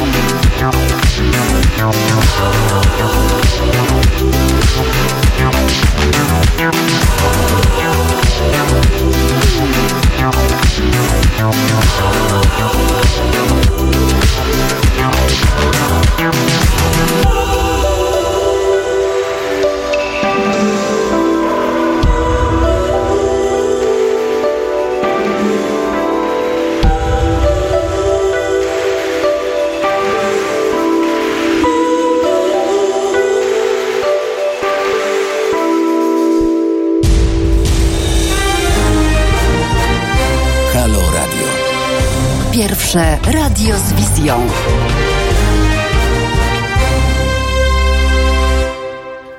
Świetnie, że ktoś mi odsunął ten mikrofon. O, 14.25. Jesteśmy na antenie, Hanio. Dzień dobry. 14.25, słuchacie Halo Radio. Ja nazywam się Jakub Dymek i o ile ten mikrofon mi pozwoli, to będziemy na antenie do 15 z Hanną Dobrowolską, autorką książki Wnuczkowa Mafia. Znowu robię to samo, pokazuję książkę. Widać, widać. E, książki bardzo wciągającej, muszę powiedzieć, pełnej, pełnej e, mrożących krew w żyłach i czasami zabawnych, czasami tragikomicznych historii tego, jak bezduszni przestępcy wykorzystywali polskich i nie tylko emerytów. Hanna, my nie ustaliliśmy w ogóle, jak powinniśmy się do siebie zwracać. Czy Haniu jest w porządku? Jest bardzo w porządku. Tak. Dobrze, bo nie zapytałem cię o to w biegu. Haniu, dlaczego napisałaś książkę o mafii wnuczkowej? Jak to się stało i jak do tego doszło, że usiadłaś przed komputerem pewnego wieczoru i zaczęłaś klepać literki na temat tego, jak ludzie wykorzystują naiwność i e, dobre serce starszych ludzi? Znaczy, kilka lat temu zainteresowałam e, się tematem e, wnu- oszustw na wnuczka. Zaczęło się to od przypadku. Znaczy, najpierw pisałam o pojedynczych przypadkach oszustw, po czym okazało się, że to jest bardziej złożona historia. E, Któregoś razu policjanci z Komendy Stołecznej pokazali mi materiały z za, zatrzymania w Warszawie w maju 2014 roku. To było u Arkadiusza EU, pseudonim Host, którego twarz widzisz na okładce. E, Okazało się, że to nie są e, przypadkowe oszustwa, tylko że za tym stoi zorganizowana grupa przestępcza, która naprawdę e, obrasta w niesamowite bogactwo, e, oszukując tych starszych ludzi. No i temat, o temacie pisałam regularnie. Już wówczas pracowałam w Super Expressie, pisałam o tym e, za każdym razem, kiedy coś takiego się wydarzyło. Też przypominaliśmy to bogactwo, żeby pokazać ludziom, e, że jest takie oszustwo i przestrzegaliśmy ich przed nim, ale też pokazywaliśmy, co za tym stoi, gdzie te pieniądze trafiają i jak, jak oni potrafią je wydawać. Na co? Okej, okej. Zróbmy dwa kroki do tyłu. Ja nie sądzę, żeby był ktoś w Polsce, kto nie wie, na czym polega metoda na wnuczka, ale załóżmy, że tak jest. I gdybyśmy musieli w tym momencie, w trzech, czterech zdaniach powiedzieć, na czym ten proceder polegał, to byłoby To byłoby tak. e, Metoda na wnuczka, tak klasyczna, bo ich jest w tym momencie jest już kilka, jeśli nie kilkanaście. Tak klasyczna metoda na wnuczka to jest e, na telefon stacjonarny, to należy podkreślić na stacjonarny, dzwoni osoba, która mówi e, cześć, poznajesz mój głos, cześć ciociu, cześć babciu. No i babcia czy ciocia zazwyczaj w tej głowie sobie przywoła jakąś osobę, tak? Jakiegoś właśnie kuzyna czy wnuczka i mówi, czy to ty Bartuś? Tak, to ja Bartuś. Więc ta y, pokrzywdzony już sam naprowadza oszusta na to, kim mógłby być. I resztę, y, reszta to jest historia, którą oni opowiadają zazwyczaj tam samą, że babciu potrzebuje pieniędzy na, y, nie wiem, bo kupi, mogę kupić okazyjnie mieszkanie, działkę, muszę zapłacić jakiś dług, albo później y, ta historia została zmodyfikowana, y, była przedstawiona jako, że babciu miałem wypadek, potrzebuję pieniędzy na przykład na łapówkę dla policjanta, albo potrzebuję pieniędzy y, dlatego, że muszę zapłacić ofiarom tych przez te, tego wypadku.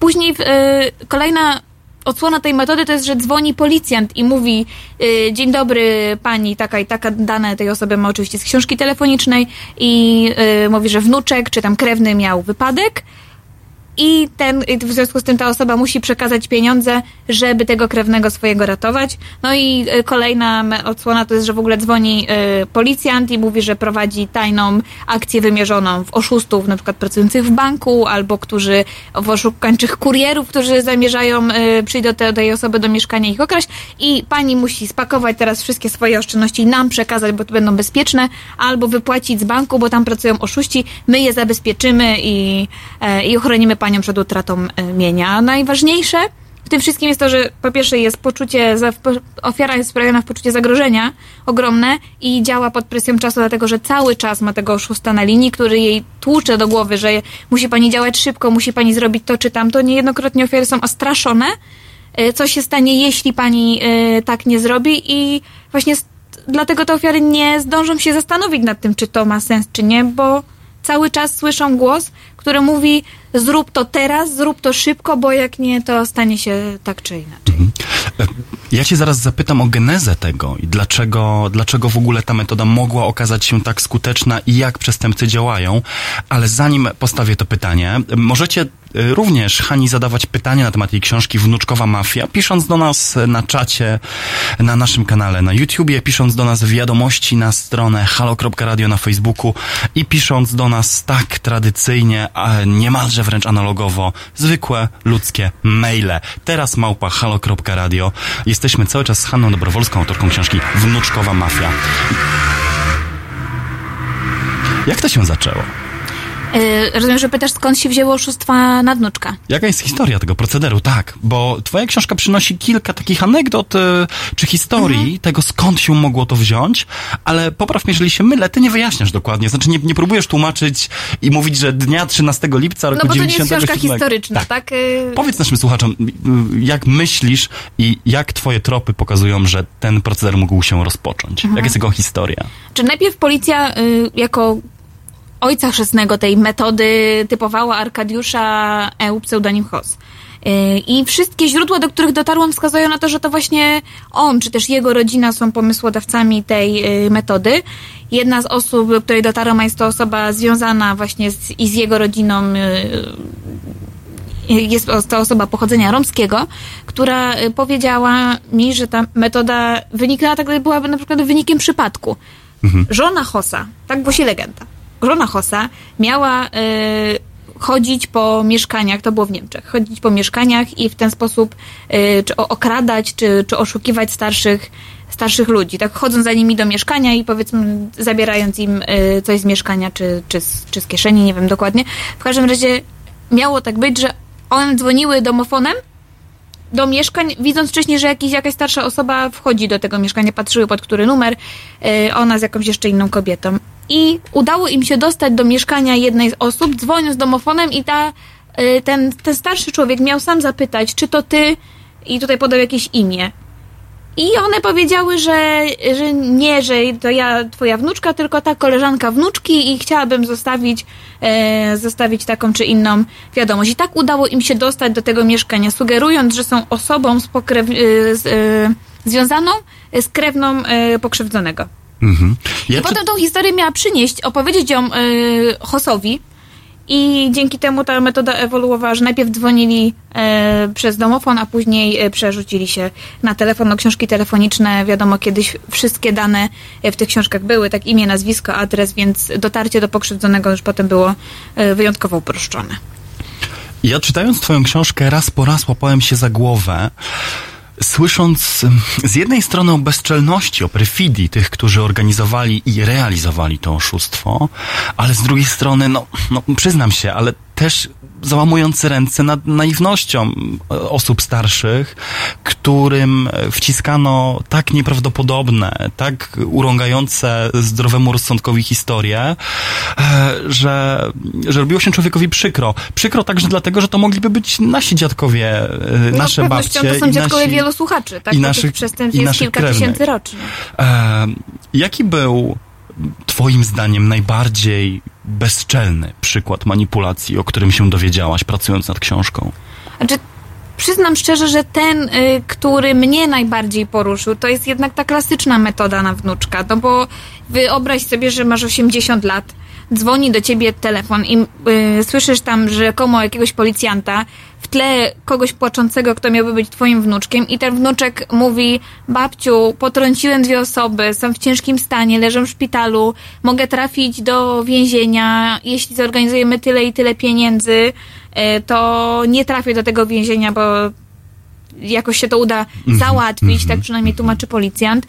E, I ta kobieta, która mi opowiadała o tym, cały czas płakała podczas naszej rozmowy. Zresztą ja też się nie byłam, nie byłam w stanie powstrzymać od łez, dlatego że ona miała zdjęcia tego wnuczka w mieszkaniu, miała zdjęcie prawnucząt i ona patrząc na te prawnuki, które miałyby zaraz stracić ojca, który trafi do więzienia, bo y, spowodował wypadek, no czyli przestępstwo nieumyślne, tak nie jest złym człowiekiem, po prostu y, przytrafiło mu się nieszczęście, zaczęła wygrzebywać pieniądze z kredensu i y, szukać, liczyć ile tego ma, ile tego może przekazać i y, no, opowiadała, że trzęsły jej się ręce, że nie była w stanie policzyć nawet tych pieniędzy dobrze. Za każdym razem jej wychodziła inna kwota, bo po prostu trzęsącymi się y, rękoma przerzucała y, pieniądze, które składała przez ostatnie 10 lat i z tego co wiem, to miało być to na dom, y, na dom, no, gdzie, w którym chciała spędzić starość, gdyby już nie była w stanie opiekować się sobą, zajmować się sobą sama. Więc dla mnie ta metoda klasyczna na wnuczka jest najgorsza. Mhm.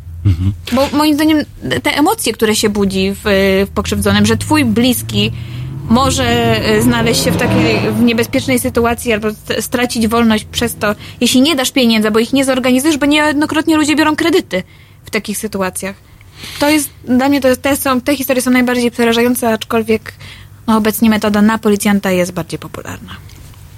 To ja do tego nawiążę, bo mnie podczas lektury twojej książki najbardziej chyba utkwiła w pamięci nawet nie tyle pojedyncza akcja, co y, publikowany przez ciebie stenogram, zapis rozmowy dwóch oszustów y, między nimi samymi, gdy oni y, niejako na żywo dyskutują ze sobą, jak zmusić ofiarę do jeszcze gorszego pogrążenia się Mhm.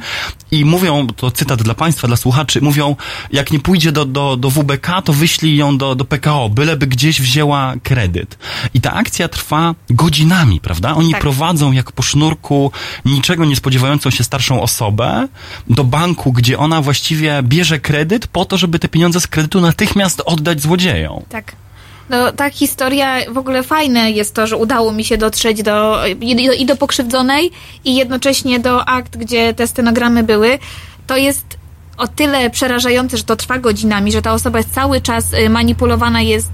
Oni tam y, kazali jej porzucić, tego co pamiętam, pieniądze w jednym miejscu, potem przenieść do drugiego, bo zorientowali się, że mogą zostać yy, złapani. Ale najgorsze jest to, w jaki sposób oni mówią o tych pokrzywdzonych. Mhm. Oni nie mówią o nich jak o ludziach, tylko traktują ich jak, jak takie przedmioty, które na, traktujemy, chcemy to, ją teraz wykorzystać i mamy ją gdzieś, to jej emocje, to jak ona to przeżyje, czy ona to przeżyje, bo wielokrotnie ludzie nie dożywają e, sprawiedliwości, nie są im zwracane pieniądze, bo ze stresu, jak się później orientują, w czym brali udział, jak została ich, ym, ich dobre serce, jak zostało wykorzystane, no niestety, nie wytrzymują. To są ludzie w podeszłym wieku. My zaraz do tej rozmowy wrócimy. Możecie do nas e, dzwonić na nasz studyjny numer.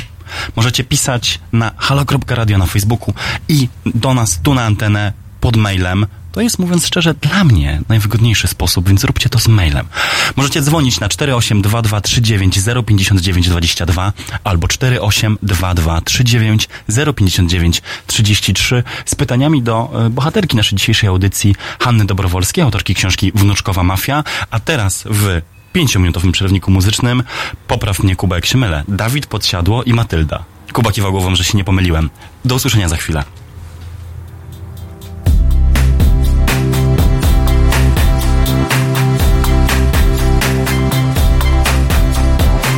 Za wycieraczką zostawił ślad Że kije w oko będzie wkładał Tylko, że przez samochód Przez samochód Przez samochód Po prostu ha Muszę mu przyznać odważny ruch By komuś tak do szyby podejść I zrobić zrzut Zostawić garść niemiłych słów Tę całą rzuć, atakuj, atakuj. Mam to co dnia Cyfrowych cwaniaków. Już za dobrze znam, dobrze znam, dobrze znam.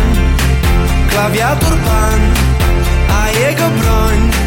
To duży ram Wciąż niewiele mogę Gdy choć jeden z nich Do mojego domu Przynosi swój syf Dobija wtedy myśl.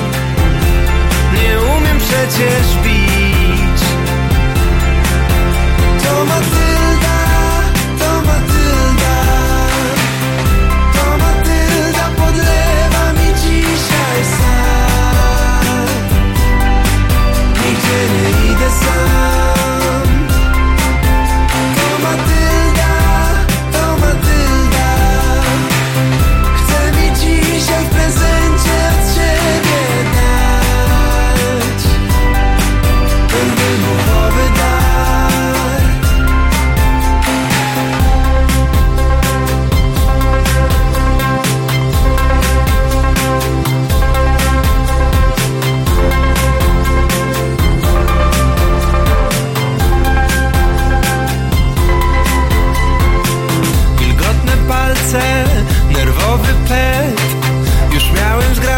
coś odpisać, ale nagle wiem Odetnę prąd, wyłączę go Zabiorę stąd.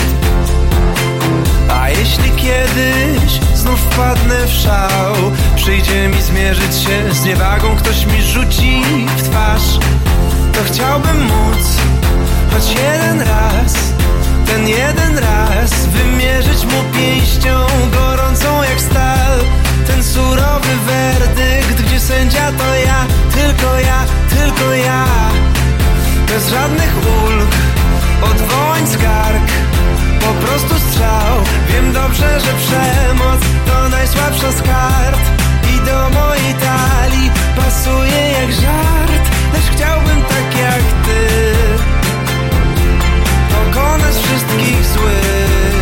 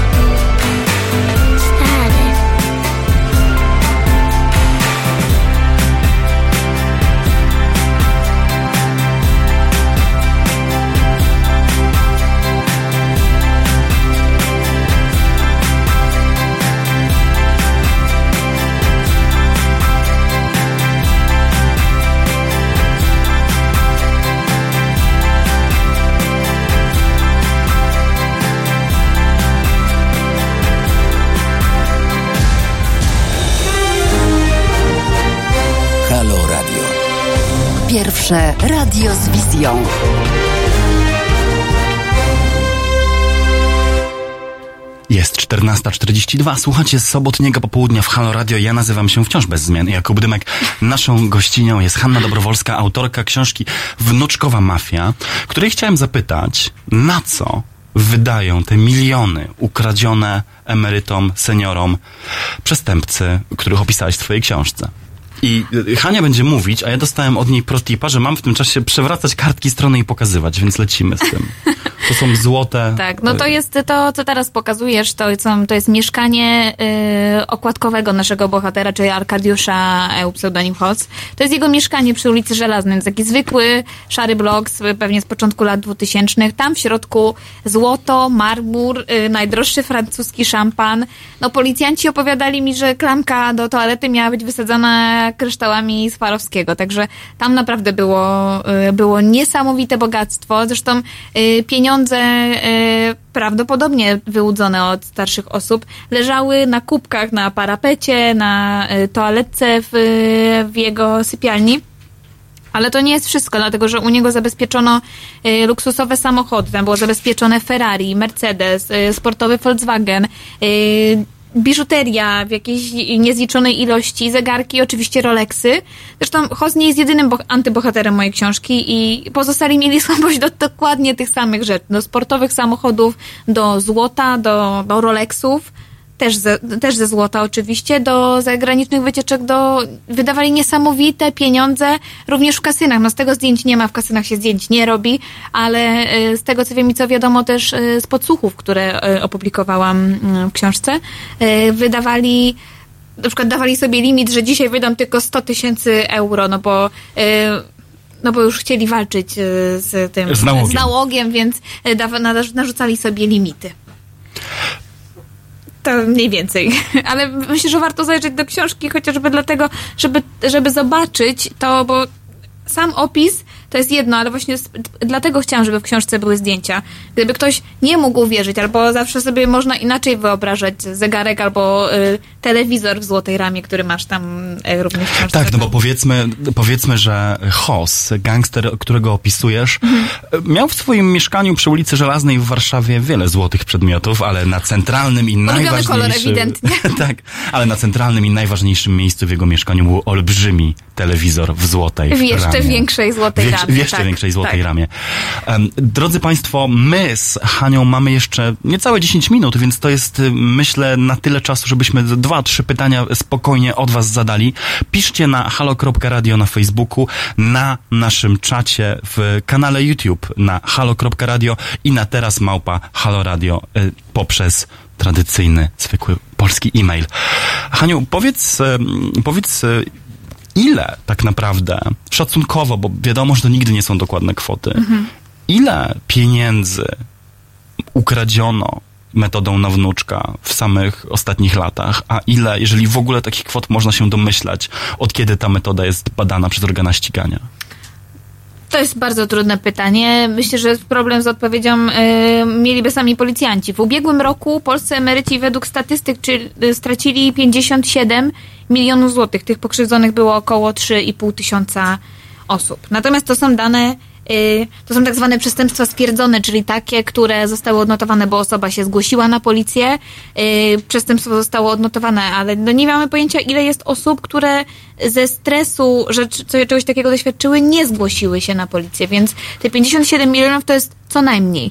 E, Policja segreguje te oszustwa metodą na wnuczka od innych oszustw, takich jak na przykład ktoś, nie wiem, nie wyśle ci żelazka, które zamówiłeś na Allegro, bo to też jest oszustwo. E, to się dzieje od jakichś 6 lat. I przez te 6 lat stwierdzono około 200 e, milionów e, strat na szkodę polskich emerytów, a metoda ma lat blisko 20. To, to możemy się, Możemy się domyślać, że pom- kwoty są olbrzymie. Kwoty są olbrzymie, no, no setki milionów złotych to jest, myślę, że to jest mało powiedziane. Jest pytanie, Mateusz Noga pyta, ponawiam pytanie, czy nie byłoby warto jakiejś kampanii poprowadzić przeciwko takim przestępstwom? Jakieś reklamy zrobić, byle ciała w TV, co by starsi ludzie mogli być uświadomieni?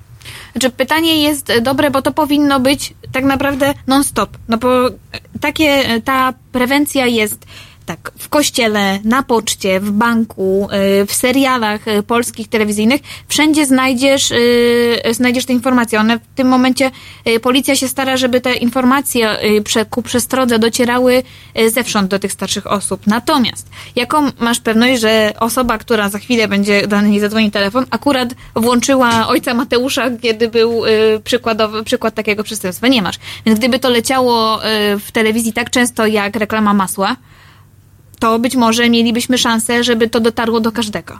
Natomiast y, to się dzieje najczęściej przy takich dużych wyłudzeniach. Y, Wtedy jest, a uważajcie, y, wtedy to jest, media się tym też interesują. Od czasu do czasu, kiedy jest jakaś większa historia i kiedy policja to też nagłośni. Natomiast no, to mo, mo- moim zdaniem musiałoby to non-stop być y, przekazywane też przez, y, przez radio, przez telewizję i tak dalej, ale to ja napisałam książkę, do której ma dostęp w tym momencie każdy i liczę na to, że jeśli nie tylko starsze osoby, ale właśnie my, y, młodsze pokolenie, możemy przeczytać tą książkę właśnie po to, żeby swoim seniorom przekazać tą wiedzę, no bo tak naprawdę na, mamy największą moc. Prze- Przede wszystkim kontaktować się ze swoimi e, seniorami, z babcią, z dziadkiem, mieć z nimi kontakt, pytać, czy ktoś do nich nie dzwoni, czy nie wciska im to nie tylko metodą na wnuczka, ale dzwonią do tych starszych osób na telefony stacjonarne z różnymi rzeczami, wyciągając od nich pieniądze, jakieś fundacje, nie fundacje, zmyślone historie.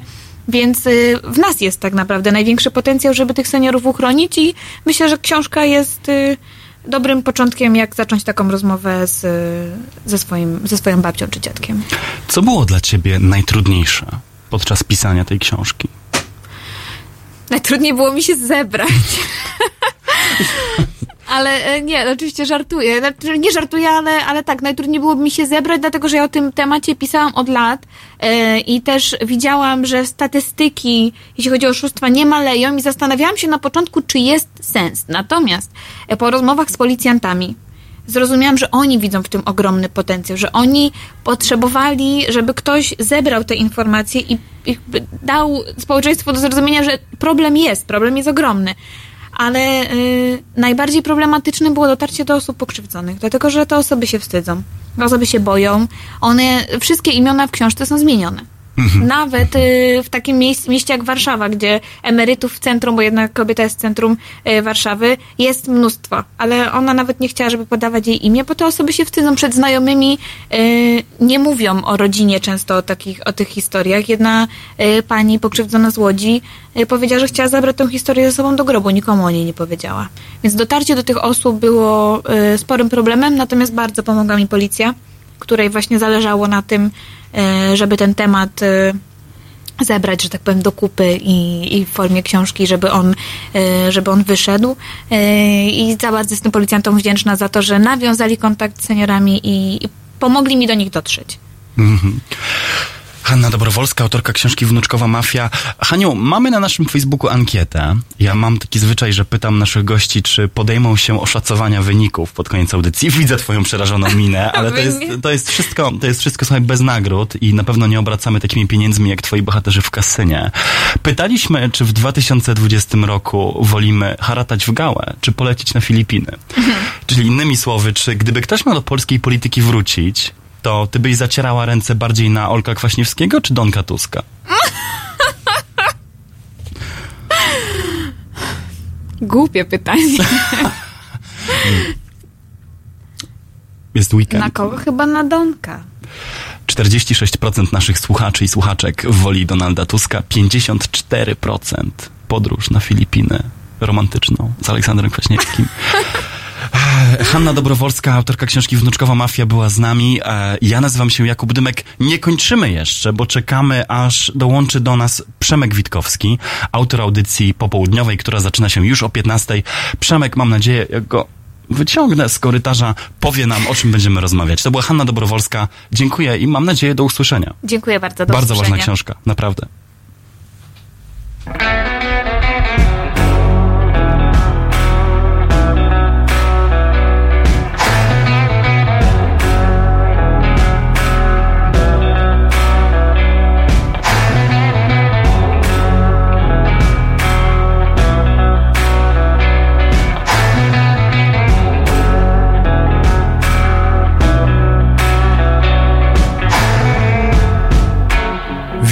Wisiał cień nad jego dolą.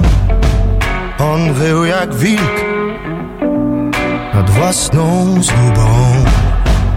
Chłód i blask polarną zorzą. Oczy jej zielenią zimną. Nie zawróci jej nie zawróci rzeki biegu, nie Doskonale wie.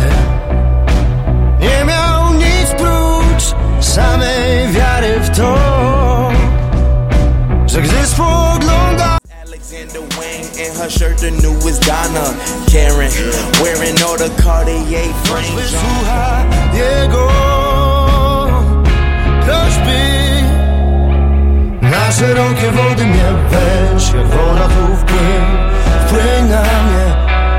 Na szerokie wody mnie weź Winę mą zmyj, zgaś ranę Bo grałem z ogniem, z ogniem I grałem Na szerokie wody mnie weź Wodą na młyn, boś dla mnie.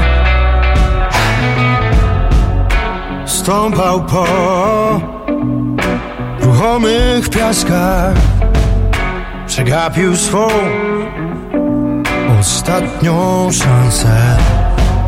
Ich ster za to już inne miasta Zgubiły dom Ich duszę bratnie Nie zastąpi jej A ona nie zastąpi jego nikim też Musieli przez to przejść. A może był im, był pisany sztorm. I wysłucha niebo zaniesionej dawno. Prośby na szerokie wody nie weź, wola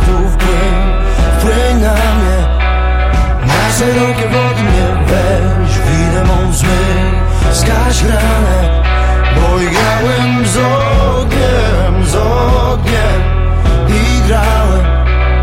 Na szerokie wody mnie weź Z wodą na młyn Boż dla mnie Płyń na mnie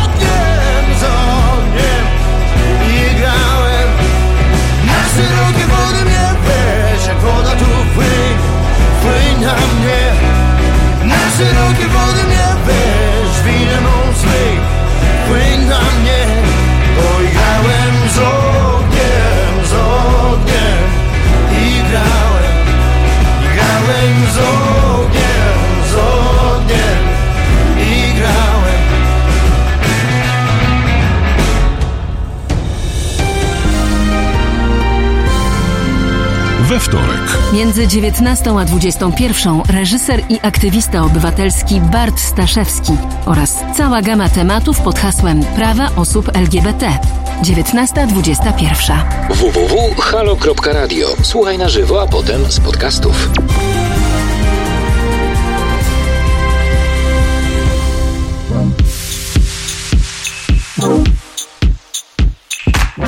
I'm feeling something, something different. When you left, my picture changed. I was blinded, I'd not envisioned the same face in a different frame. It's an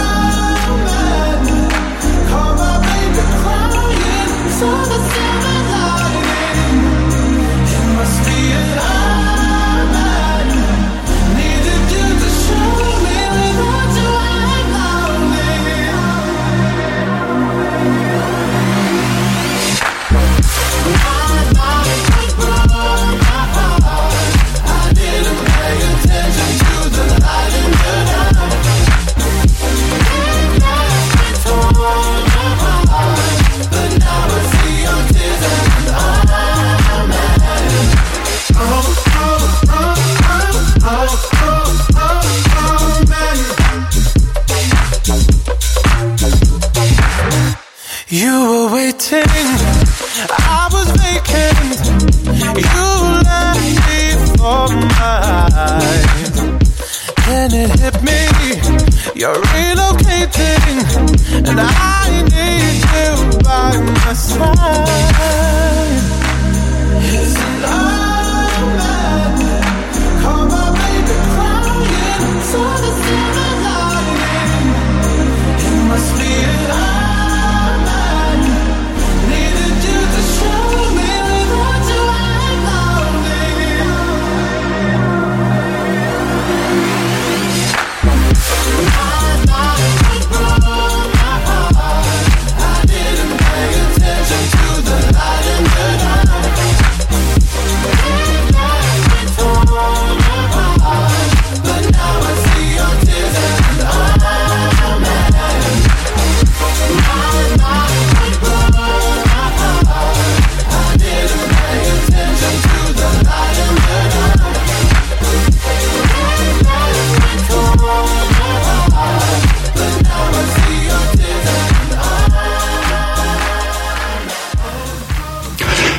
Disclosure i Omen z gościnnym udziałem Sama Smitha. Słuchacie Halo Radio, jest 14.59.